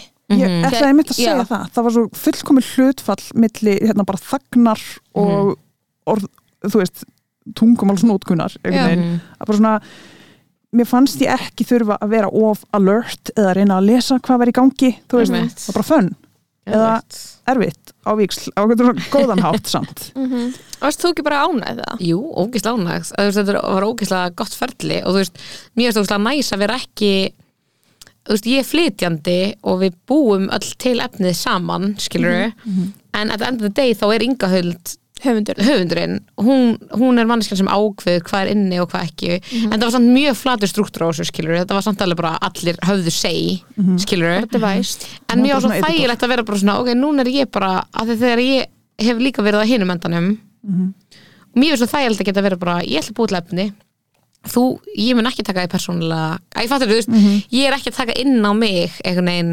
Ef hún hafnar tilbúðið hafnar, þér. já, einhverju, einhverju sem að mér langar til að gera eða eitthvað. Já. og mér, ég líka, Inga heldur að frænka mín skilur við erum sískinaböld og ég ber virðingu fyrir henni og dáist að henni. Þannig að ég var svo tilbúin til þess að bara treysta því 100% Já, að resultið yrði bara eins og það á að vera. Já. og þá var það svo ógeðslega næs. Þá var svo gaman, bara, þá var ég bara að mæti vinnuna og ekki vera bara heili. Mm -hmm. skilji, að því ég er ekki dansari. Eða þú veist, I am now skilji, það var svo fyndið þegar ég var að segja fólki ég, frá, ég er frá danssýningu með sölku. Og allir eitthvað, er hún dansari? og ég er eitthvað, uh, nei. En þarna, þú veist en bara eitthvað skilji, bara- virkar í þessari sýningu. Gó, já, ég hugsaði bara, mér langar að sjá miklu fleiri dansýningar á Íslandi þar sem að þú veist, dansar er að vinna í dansi með non-dansurum. Já, já þetta er búið að vera það er- miklu meira þeng allstaðar annarstaðar held ég Þetta er líka þarna marmarabötn eða þeir sem gerði eyður, Mhm. Marble Crowd þau er, er, það er eitthvað svona 50-50 eða þú veist, það er eitthvað dansarar og, myndlistafólk og sviðsögundur og eitthvað svona. Og maður bara eitthvað þetta gerir ógslag mikið. Mér finnst svo næs, mér finnst svo fullkomið að fara inn í bara lógíkina sem er bara eitthvað dansin, eða skilur bara það er bara innri lógík sem verður til. Þannig að allt meikar ógslag mikið sens þannig að þú sem áhörund ert bara, þau veitu hvað þau eru að gera það að það Nei. sem er þú veist, ég held að fólk sé ofta eitthvað hrætt að fara á danssýningar af því það haldi að það verða einhvert leiðilegt eða það sé bara eitthvað í gangi og það skilji ekki, það er bara einhver innri lógík í gangi og þú tekur bara frá því það sem þú vilt skilur en innri lógíkin er svo skýr og það er miklu meira frelsi en eitthvað fyrst mér á mörgu leiti en að ég var að setja upp verk sem er að þarf að hafa upp af miðju endi. Bara já, þetta er saga, ég þarf að kynna þessa karakter þetta er sögunar og svo þarf eitthvað að gerast og það þarf eitthvað að drífa söguna áfram og að þetta, þú veist þess að þess að svona að losna við þetta, það er búið að vera mjög therapeutic fyrir mig að vera í þessu sko. Bara svona hugleislega fyrir mig að vera í þessu sko. Algjörlega. fyrir áhörundur líka eða allavega mig, mér finnst bara svo oft talað um danssýningar, þú veist, fólk er alltaf bara eitthvað ég skil ekki dans. Og það er Já. ástæðan fyrir því fara ekki danssýningar. En máli er, finnst mér miklu frekar þú veist, um leið og þú hættir að reyna að skilja hann, þá skilur hann þú veist, þú veist, þarft ekki að vera að reyna að draga einhverja merkingu þú veist, 100% að reyna að skilja hvað dansararnir eru að reyna að segja þú veist, þetta er bara ég, mjög mikið e, bara túlkunaratrið fyrir þig. Ég held að sé mig ókslega mikið einhverjum list þetta er svona eitthvað samtala sem allir eitthvað ég skil þetta ekki, að þú veist, og maður er eitthvað svona já, e, þú veist það er kannski bara betra að vera bara ég fíla þetta bara ekki. Ég bara skil ekki hvað er í gangi og mér finnst þetta bara leiðilegt það er mm. líka bara jafn legit eða skilur, það er ekki eitthvað svona sem þú myndir allt í einu skilja þá myndi ég finna þetta skemmtilegt, fattu hvað ég meina? Já, en þú veist, ég upplýði alltaf eitthvað svona frústrasjón á danssýningum út af því að mér fannst eins og, hérna, þú veist, að það væri eitthvað svona, það væri verið að reyna að meðla einhverju ákveðnu til mín og ég væri bara ekki að fatta það. Einmitt, Og þess vegna fór ég alltaf með- Já, en svo, þú veist, þegar ég fór bara að lefa mér að mæta á danssýningar Já. og bara horfa Nákvæmlega. og vera ekki eitthvað svona að reyna að vera eitthvað intellectually challenged, þú veist, by what's happening, Já. að þá einhvern veginn svona, þú veist, það situr bara miklu meira svona, eitthvað svona tilfinning eftir og ég þarf ekki einhvern veginn svona að rökræðana. Einmitt, 100% sko Það er ekki eðvegt og ég elska að við höfum tekið bara e, neinþing rýni frá ykkur Já, hlátinu, og vonandi verður hún sínd aftur hún verður örugglega sínd aftur það var, þetta Já, var svona, þetta var loka sinni ekki bili Þetta var svona lóksin ekki beili sko Já, ég mæli samt sérstaklega með því ef hún verður sínd aftur að fólk sem að hérna uh, fílar ekki dans Mhm. fari á, á þessa danssýningu. Já. Já, og ég fekk líka bara mjög svolítið gott að fá svona eitthvað teist af Evrópu og senu frá annar landa hinga inn og bara Já, og þú veist og auðvitað eru bara fullt af dansurum á Íslandi bara hæfileikaríkir og Mhm. progressive og eitthvað en það er alltaf bara þannig að þú veist, við erum í senum með fullt af listamönnum Mhm. og við sjáum alltaf mest fyrir okkur um ákvönum Mhm. og þá virkar það eins og við séum að fjallum minna og gera minna og Já. með min- minni fagurfræði heldur en við erum í rauninni með bara Mhm. út af því að við sjáum minna af því, fattuðu mig einmitt. þannig að þú veist, ég var bara eitthvað ég, mér fannst þetta gaman og til mér fannst þetta líka ég horfði svona eitthvað, já þetta er stelpur af minni kynnslóð Mhm. sem eru með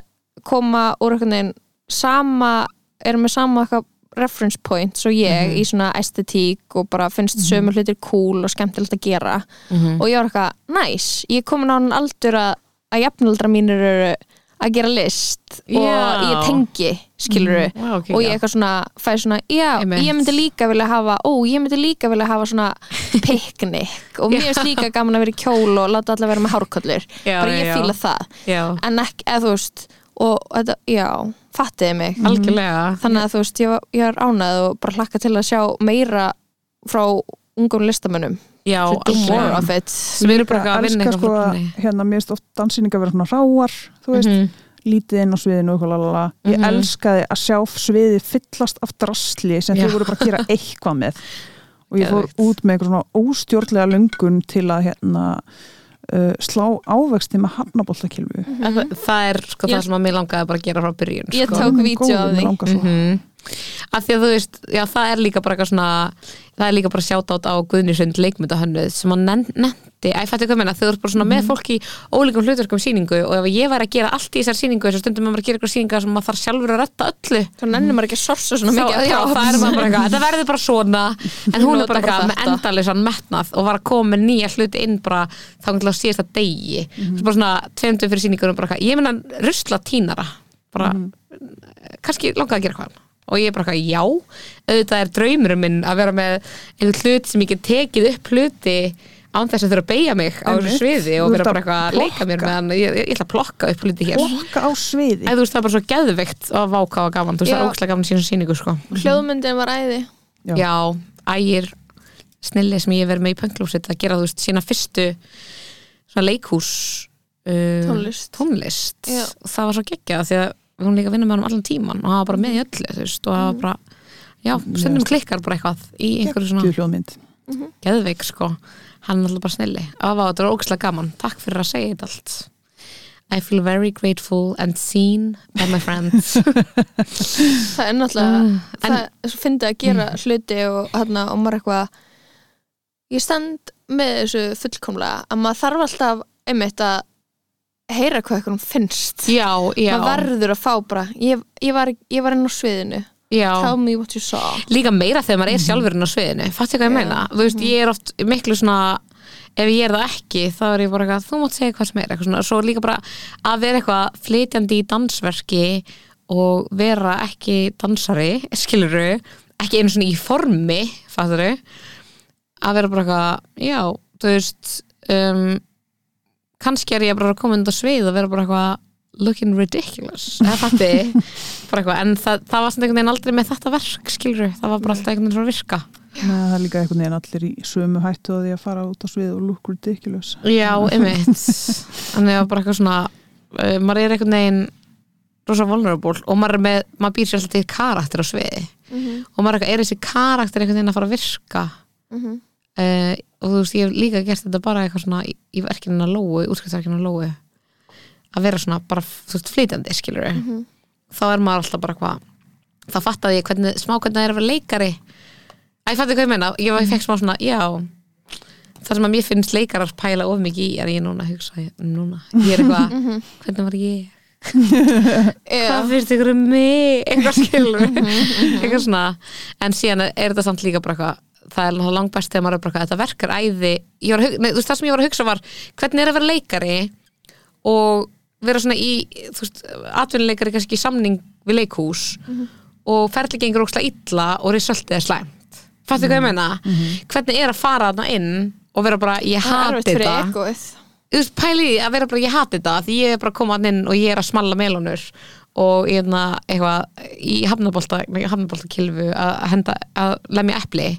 Ég er bara, ég elska þetta og ég elska þetta og ég elska ynguhuld og mér finnst hún æði mér all- öllum mig að finnast hún æði. Ég er bara, eitthvað, kom inn með þetta.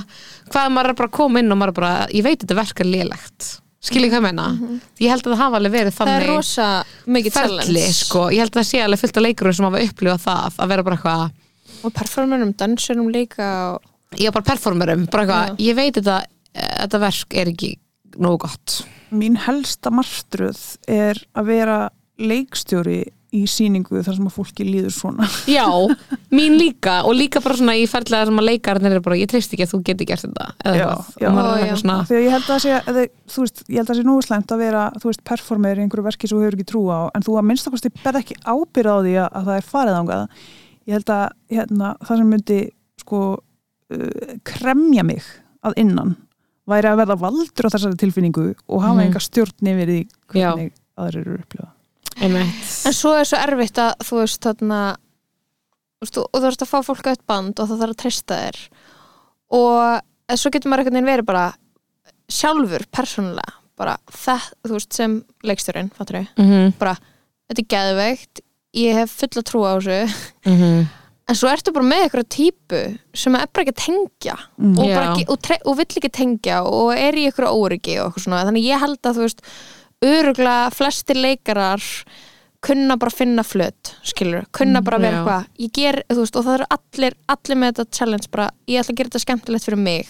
Mhm. þú veist, og þú veist út af því að þú veist bara eitthvað segjum að maður sé bara að gera eitthvað experimental og maður fær eitthvað performer með sér og hann er bara square og bondar ekki við pælingarnar skilur við Mhm. og þá er maður eitthvað, well, hvað get ég gert? Ég get ekki breytt allir þinni fortíð og persónuleikana þínum Mhm. en þú veist, ég held að svona góðir leikarar annarkvort bara ger ekki shit sem þeir hafa ekki trú á Mhm.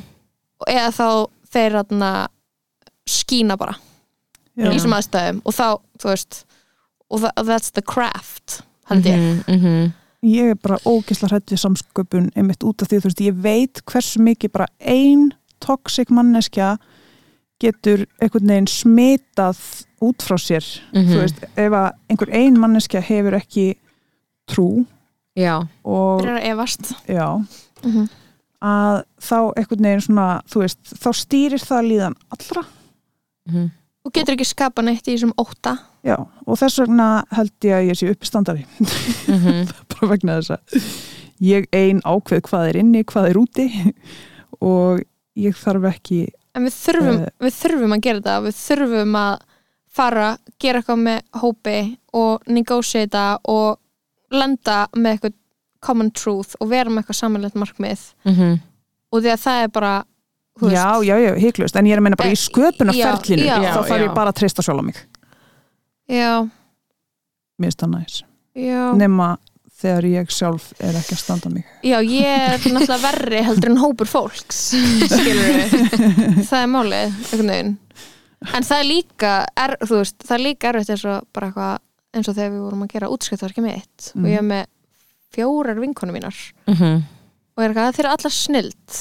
Og svo er maður eitthvað "En það sem mig langar að gera er betri hugmynd. Mm. Mm. eða eitthvað, Mhm. skilur og hérna, og fyrir að vera skilur langa, ætlar ekki að vera einvaldur en svona að freistandi að gera það núna, eða eitthvað. Já, já, já. Svo var það ekkert mikið þannig, skilur en svona, maður getur hugsað maður eitthvað, er sá sem er að pæla mest í þessu? Já, já, já, ég, mér var svo næs að vera ekki svo mannskja sko.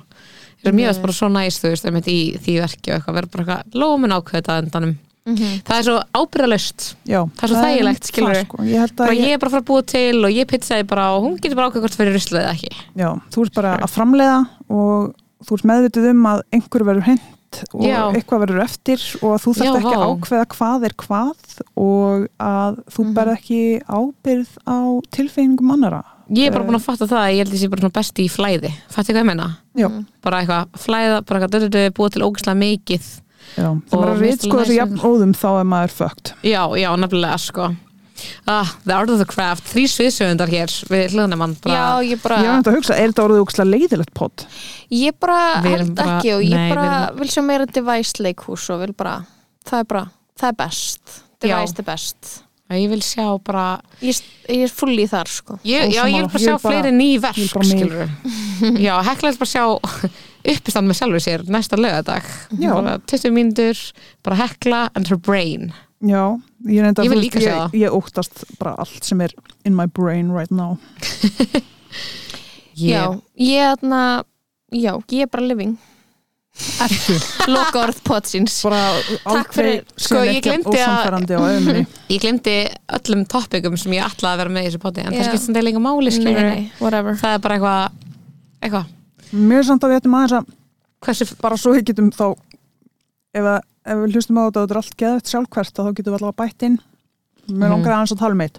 Ok, Umræðan, hana, umræðan núna á Twitter um kulnun og, Já, og veikindaleifi og svona.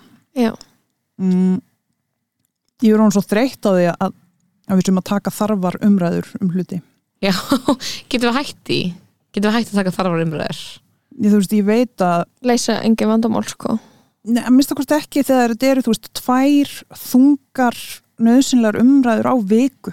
Já, og sko ég veit ekki hvort það er endilega að ég veit ekki, núna kemst ég ekki inn á Twitter öðruvísina að lesa um hundrað persónulegar upplifanir fólks af því að hafa liðið illa í vinnunni. Já. Martröð Ég var líka bara, ok, það er líka bara það að ég var að lesa eitthvað tvít sem var eitthvað ef þú ert að vinna á vinnustaf þar sem allt fyrir hliðina ef að þú mætir ekki einn dag þá er þetta liðlega vinnustafur og ég var eitthvað sorry já já ef allt verður hliðin þá mæti ekki einn dag en það er ógeðslega mikið, ég var bara eitthvað ég er bókstælega í þannig vinnu fattur þig, Mm. ef þú ert ykkur ferli í tvo mánuði þá er bara gett umlegt að missa úr einhvern dag. Og það reddast alveg, skilur en ég er eitthvað svona, það er ekki hægt að sjóða allt niður í eitt teik. Eitt fattur það er ekki hægt að vera bara eitthvað, það er einfald leysn á þessu. Þú ert bara að hætta í vinninni sem þú ert í af því að hún er að val, Toxic. valda þér, að ég skilur ég var bara eitthvað svona, að þú veist, ég nenni ekki einhvers ég er búin að leysa þetta bara fyrir mig. Þetta sé bara eitthvað svona þú veist, eitthvað, að þetta er bara lélegu vinnustæður ég svona, já, ég hef upplifið þetta í leikhúsheiminum, skiluru, að það er ef það vika í frumsýningu og ég missi úr einn dag það er hræðilegt en er mm, en þú veist, það rettast alltaf og það þýðir ekkert að vera eitthvað að æsa sig yfir því að vera með eitthvað ofmikla ábyrðtilfinningu, skiluru en ég er bara eitthvað, æ, þú veist þarf þetta að vera vettvangurinn? Já eða, sko, ég er ekki, þú veist, ég, er, ég hef ekkert á móti þessar umræðu per se, þú veist, ef Mhm. við tökum hann út fyrir glugga þá er bara eitthvað, já, flott. Mín persónulega skoðun er bara hlúðu að sjálfu þér, að því að, þú veist, ég veit ekki, þú getur píntið til að mæta í vinnuna en samt bara unnið í eitt klukktíma af átta að því að þú ert preoccupied með eitthvað annað sem þú hefði geta bara Já. leist með því að taka þér einn dag í Já, frí já, og svo já. bara verið funksjónal Mhm. í fjóra daga eftir á, Mhm. þú veist, það er bara svona uh, það sem að þessi eini frítagur kostar uh, í actual framleiðni mm er, þú veist uh, að ég veit ekki, mér finnst einhvern veginn framleiðni og viðvera einhvern veginn sko hlutir sem við þurfum aðeins að í aðskilja, sundur. já, já, algjörlega. En hérna that being said, þá hérna við erum að lesa sumi bók, ég og Lóa Mhm. Trick Mirror. Já, hún er geggjuð. Mhm. og það er eitt sem hún er að tala um sko, hún segir hérna af hverju getum við ekki talað um vandamál eða eitthvað svona uh, ég veit ekki, unnið úr einhverjum svona um, umræðum í samtímanum án þess að setja okkur í miðjun á því. Mm. Ég veit ekki, er þetta a dangerous thing to say? Nei, þetta er nefnilega ógeðslega áhugavert. Ég veit ekki, ég er alltaf svona, við erum all, alltaf að reyna að feta þessa línu sko, bara hvernig get ég einhvern veginn hjálpa þessum málstað without making it about me? Mm Já, vá, ég var bara einmitt að lesa ógislega góða pælingu um það, sko. Það er bæði náttúrulega sem hef, hefur margsagt í þessum, í þessum blessaða podcasti og af mörgum mismundi manneskjur sem er bara umræðan sjálf, awareness, við vitum að það er ekki nóg til þess að komast að breytingum. mm Við getum verið föst í umræðu lúpunni, awareness lúpunni að eilifu, -hmm. þú veist, og þarna og við höldum að við höfum gert eitthvað þegar við gerum ekki neitt Mhm. við höldum að við gerum eitthvað með því að setja banner á Facebook myndin okkar og það er bara kæfta, við vitum það skilur og æ, þú veist, það var bara svo úslega góðu punktur um eitthvað svona, eitthvað kvóti Goffman, blessaða félagsfræðing, um þú veist þegar að þarna um að þú veist það að það, það sem þú veist að gera þegar það verður í performance í sjálfu sér Mhm. þannig að þú ætlar að sína eitthvað stuðning eða þú veist basically, ég mitt gera eitthvað, en það verður bara performance Mhm. og við, út af, út af því að það er presence af áhoröndum skilur mig, út af því að við erum með followers og við erum með fólk sem fylgjast með okkur Mhm. Og einmitt, setjum okkur í miðin á því og, þarna, og við verum aðalatriðið að það að við séum að segja eitthvað, það að við séum svo fucking geggja klár að við látum eitthvað okkur varða. Mhm. Og það, það snýst í rauninum það en ekki hvað við erum að segja. Já, já, já. Og þarna og við erum bara alltaf að leita að ykkur, við erum að leita að þú veist gleðinni, þú erum að leita að fullkomna tvítinu, fullkomna mýminu uh, fullkomnu pælingunni og þetta er svo óstabílt samfélags, á samfélagsmiðlum að við þurfum að vera alltaf tengd inn á það, skilur við þurfum alltaf að vera þarna Uh, heilin á okkur verður bara svona eins og rottuheili á tilraunastofu. Uh, og þetta er bara pælingi þetta er bara Gia Tolentino, bara þú veist að segja þetta í Já. Trick Mirror, bara þú veist út af því að annarkvæmst ertu í átta tíma og svo finnur eitthvað geðveikt og eitthvað, "Ah, já, þarna kom það, það sem ég var að leita að. Mhm. En það er ekki loggað inn eftir tíu myndur og færða og þá myndum við fá ógeð. Við þurfum að vera í þessu þessum hérna, óreglulegu þessari, þessari leit skilur að ykkur Mhm. að þessu góða, að góða heiminum skilur Mhm. og, hérna, og þurfum að láta ykkur hlæja eða gera ykkur reið.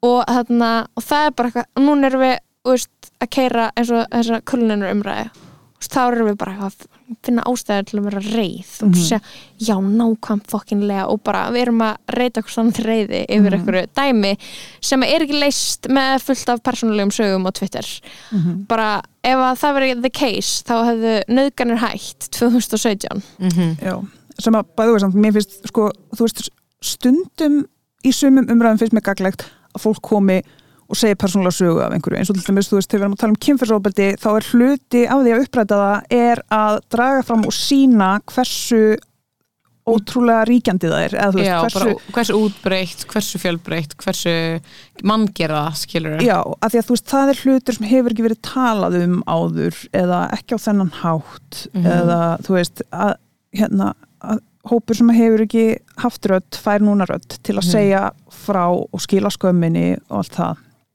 ég veit ekki hvort að þú veist, ég myndi segja umræðan um kulnun sé eins mm -hmm. eða skilur ég hérna, þú veist að lesa Mhm. eitthvað svona persónlega sögur um af hverju þú kulnaðir í starfi og eitthvað svona við Mhm. veitum alveg af hverju það gerist Mhm. uh, og þú veist vinnumarkaðurinn er að reyna að bregðast við með því að fækka vinnustundum og eitthvað sem er samt, þú veist. Ekki gera sko nóg hratt og ekki nóg markvist og hvað Nei, og bara eitthvað svona fækka vinnustundum um hvað, bara eitthvað, þannig En- að ég fá að fara aðeins fyrr heim einu sinni viku, þú veist, bara það er ekki að fara að make a world of a difference, þú veist, við þurfum bara aðeins að fara að endurhugsa allt samfélagið, bara hversu nöðsynlegt það í raun og veru er að við séum alltaf að framleiða.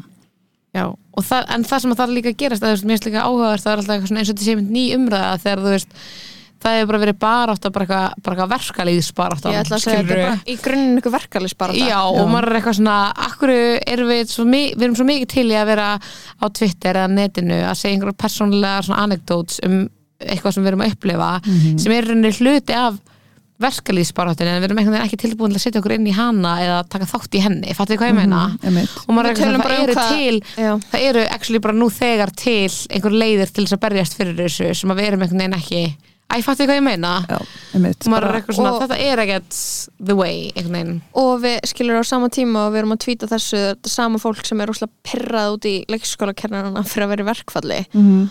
og bara eitthvað þú Mhm. veist, hvað já, að ég veit ekki og upplefa sig tilherra ykkur um hóp og vera með eitthvað samanlegt markmið veit ekki, hefur það ekki bara eitthvað kost og galla að þú veist já, ég veit ekki, ég er eitthvað að reyna öllu saman sem hún er að tala um í þessum þú veist, í þessar bók skilur Mhm. út af því að þetta er, svona sam, þetta er eitthvað svona sama dót og maður er búin að vera að hugsa lengi og bara eitthvað langt síðan maður fór að hugsa um hvað samfélagsmiðlar eru toxic skilur Já. Já. það verður bara flóknar og flóknar að opt-out skiluru, Mhm. það var alltaf bara minn og minni möguleik eitthvað neginn og, og hefur minna og minni áhrif líka það sem við erum að segja, em, upplifi ég þú veist, ég er alveg hægt að nenna að vera með eitthvað take, þú veist, um eitthvað á Facebook eitthvað, líka það, þú veist, ég er ekki beint, sko, eða þú veist, þegar fólk er að, þegar þú þarfst að segja eitthvað, þú veist, þú þarfst að koma ykkur út, gerðu það, skilur við, þetta er ekki gaggríni á einstaklinga sem að fara Mhm, og mhm. segja sinn sannleika online, en hérna, þú veist, ég bara svona skoða heild, þú veist, þetta eru svo syklikal, að þetta eru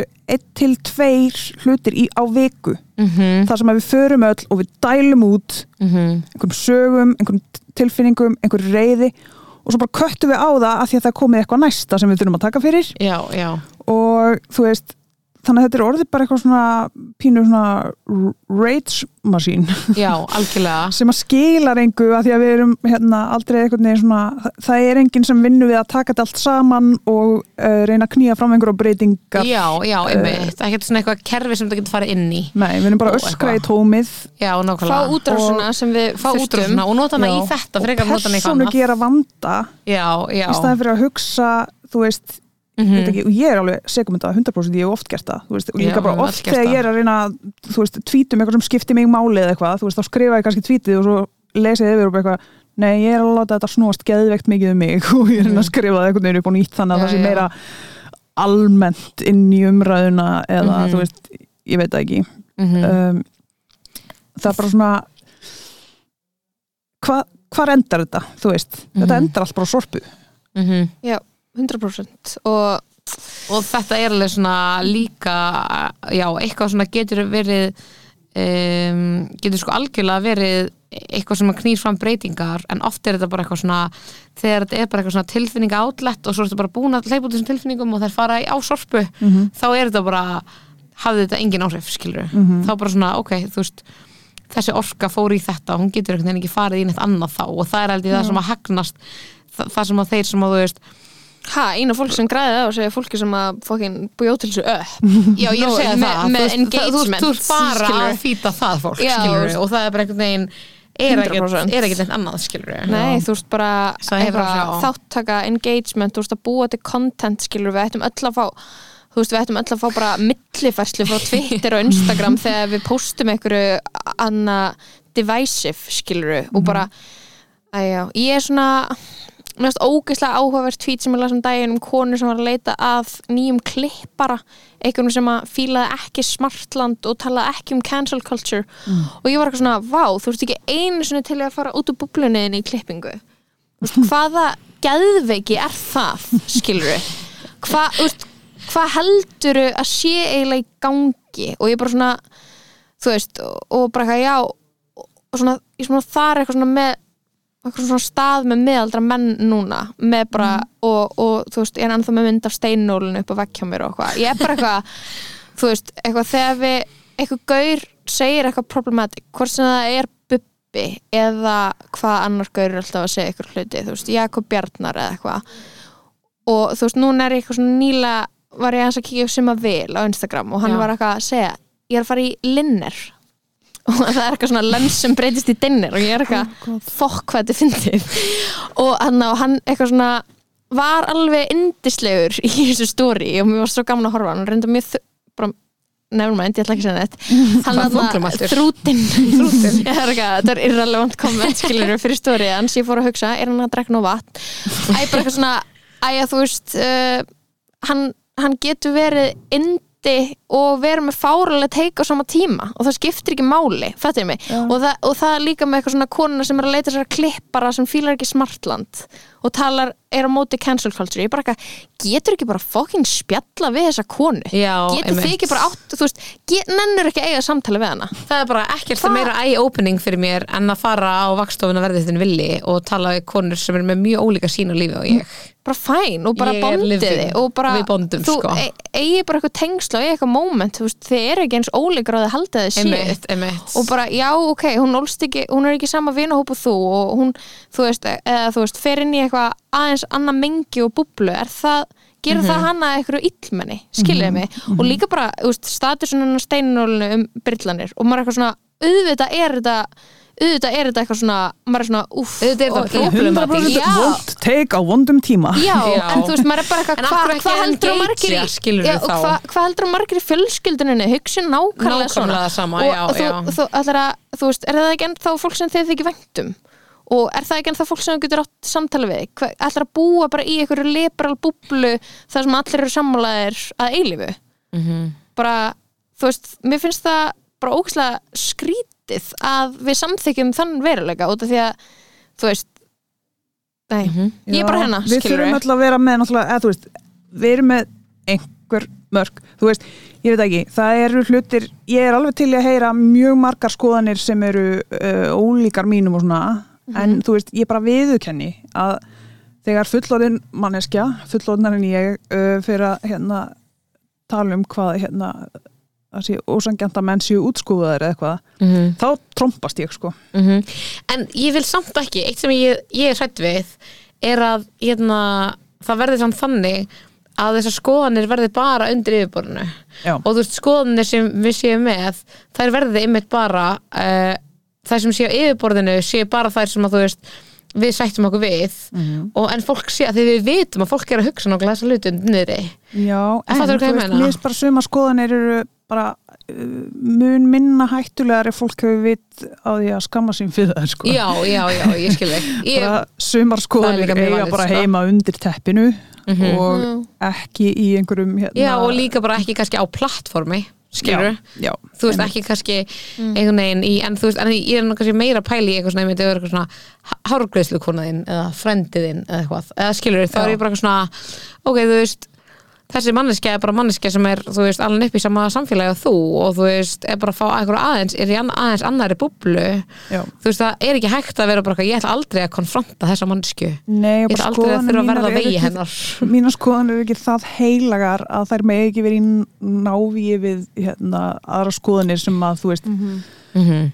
að ég tel að séu minna ekki að svolpa verri skoðanir þú Mhm. veist um, ég meina auðvitað höfum við öll okkar skoðanir og finnst þar af að leiðandi annara skoðanir vera verri Mhm. uh, en hérna við samt, þú veist við þurfum að umbera þær svo Mhm. lengi sem að þær eru ekki settar í einhvern hættulegan farveg já, eða þú veist, ég veit það ekki bara, uh, ég nenni ekki alltaf að taka samtalið skilur, ég nenni ekki hvert einasta skiptir með einhver segir sett á lag með skímó eða eitthvað Mhm. að taka einhverja umræðum nögunamenningu, eða þú veist, ég veit það ekki Mhm.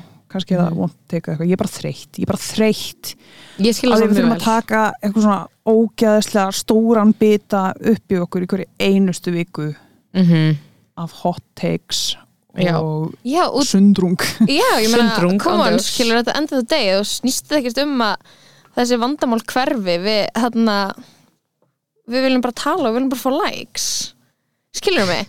Eitthvað, eitthvað fólk, eða þú veist ég er smá þar, þetta er bara svona hm, um, uh, við bókstala búum til samfélagið þar sem fólk getur grætt á því að hafa skoðanir bara bókstala Já, grætt já. pening á því og fengi aðtegli og viðurkenningu og eitthvað, og bara eitthvað þá erum við bara að fara að finna upp og ræða vandamál, þú veist to the end of time mm.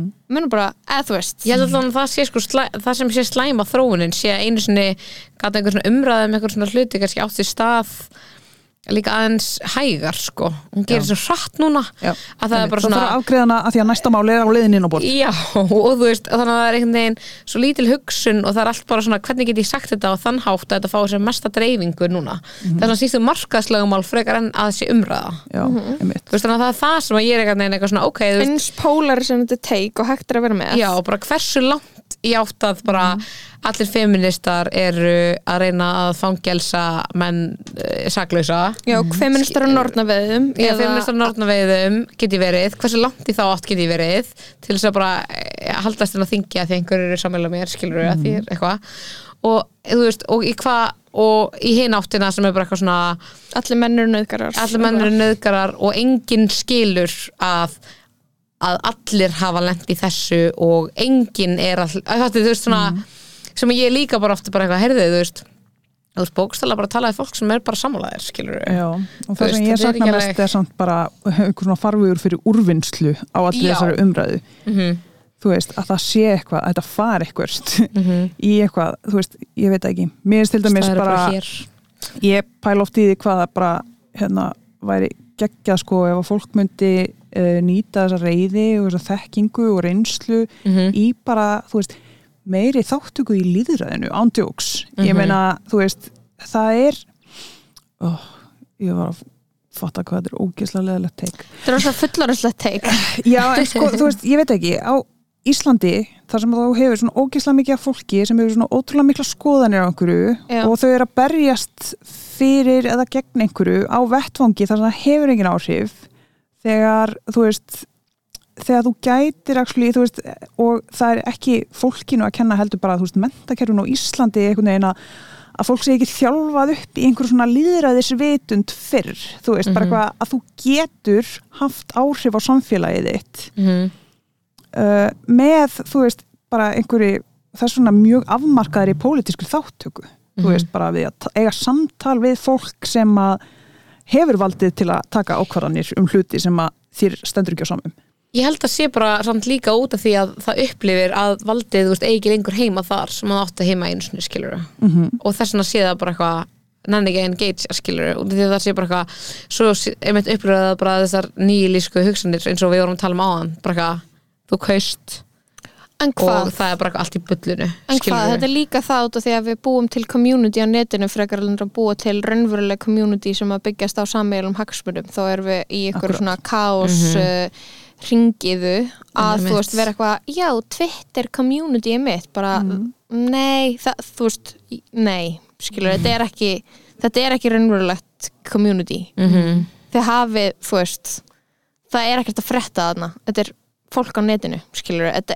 þú veist, orkan sem, þú veist, og það, og það er ekki endilega eitthvað þá líðræði er sem eitthvað svona þing heldur bara eitthvað, er ekki eitthvað sem þú getur gert með einhverjum hóp sem þú tilherir, skilur eitthvað tengsl, raunveruleg raunverulegt sammeilst markmið Einmitt. algjörlega. Of the take. Og þetta pod er það sem að um, hér koma hugmyndunar til að fá úrvinnslu. Já, er það allir spurt að lokast í já mæti á uppistandi okkar eftir viku og við bara vorum að geima alltaf þetta fyndna sem að við höfum að segja fyrir þetta uppistand. Já. þannig að við vorum bara með uh, alvarlegar og alvörugjarnar umræðir þessum þætti sko. Já, en við viljum líka bara, þú veist, að það sé koma á reynd að við erum uh, bara nokkuð klárar. Mm og svo á lögadaginn þá komast þið að því að við erum líka fyndnar og heitar. og ógeðslega heimskar ég held að það að segja það. Heimska mellur. Við erum líka bara heimskar mellur. Já, við erum það. Við erum það. Takk hella fyrir komin að hekla. Og bara loved having you on the pod as a guest. Já, og ég hlakka svo mikið til að vera með ykkur í náttfattapartíi. ég líka Eftir sko. sex daga, eftir sex Miður á ég teik ætla daga? ógeðslega mikið til að ég ætla að vera Vá, ég ætla bara svona ég ætla að all out. Ég ætla til að fá alla sem eru bestir á sjóið. Að panta fullt að drikkjum á borðið væpa, hafa gaman bara eitthvað I can't wait sko. Ég, var, ég gerði uppistand ég, gerði uppistand í kjallaranum um daginn og það var ógeðslega gaman ógeðslega mikið stemning. Ah, Ég vil líka bara lýsa því yfir að það er samfélagslega samþygt að mæta í náttfutum á sjóið. já, Ok, Náttúrulega classy. sex, sexy Takk líka sexy okkur. lingerie Takk fyrir að mæta í sexy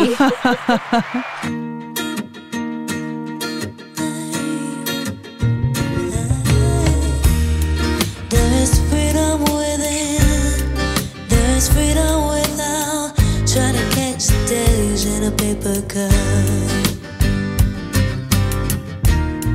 There's a battle ahead, many battles are lost, but you never see the end of the road while you're traveling with me.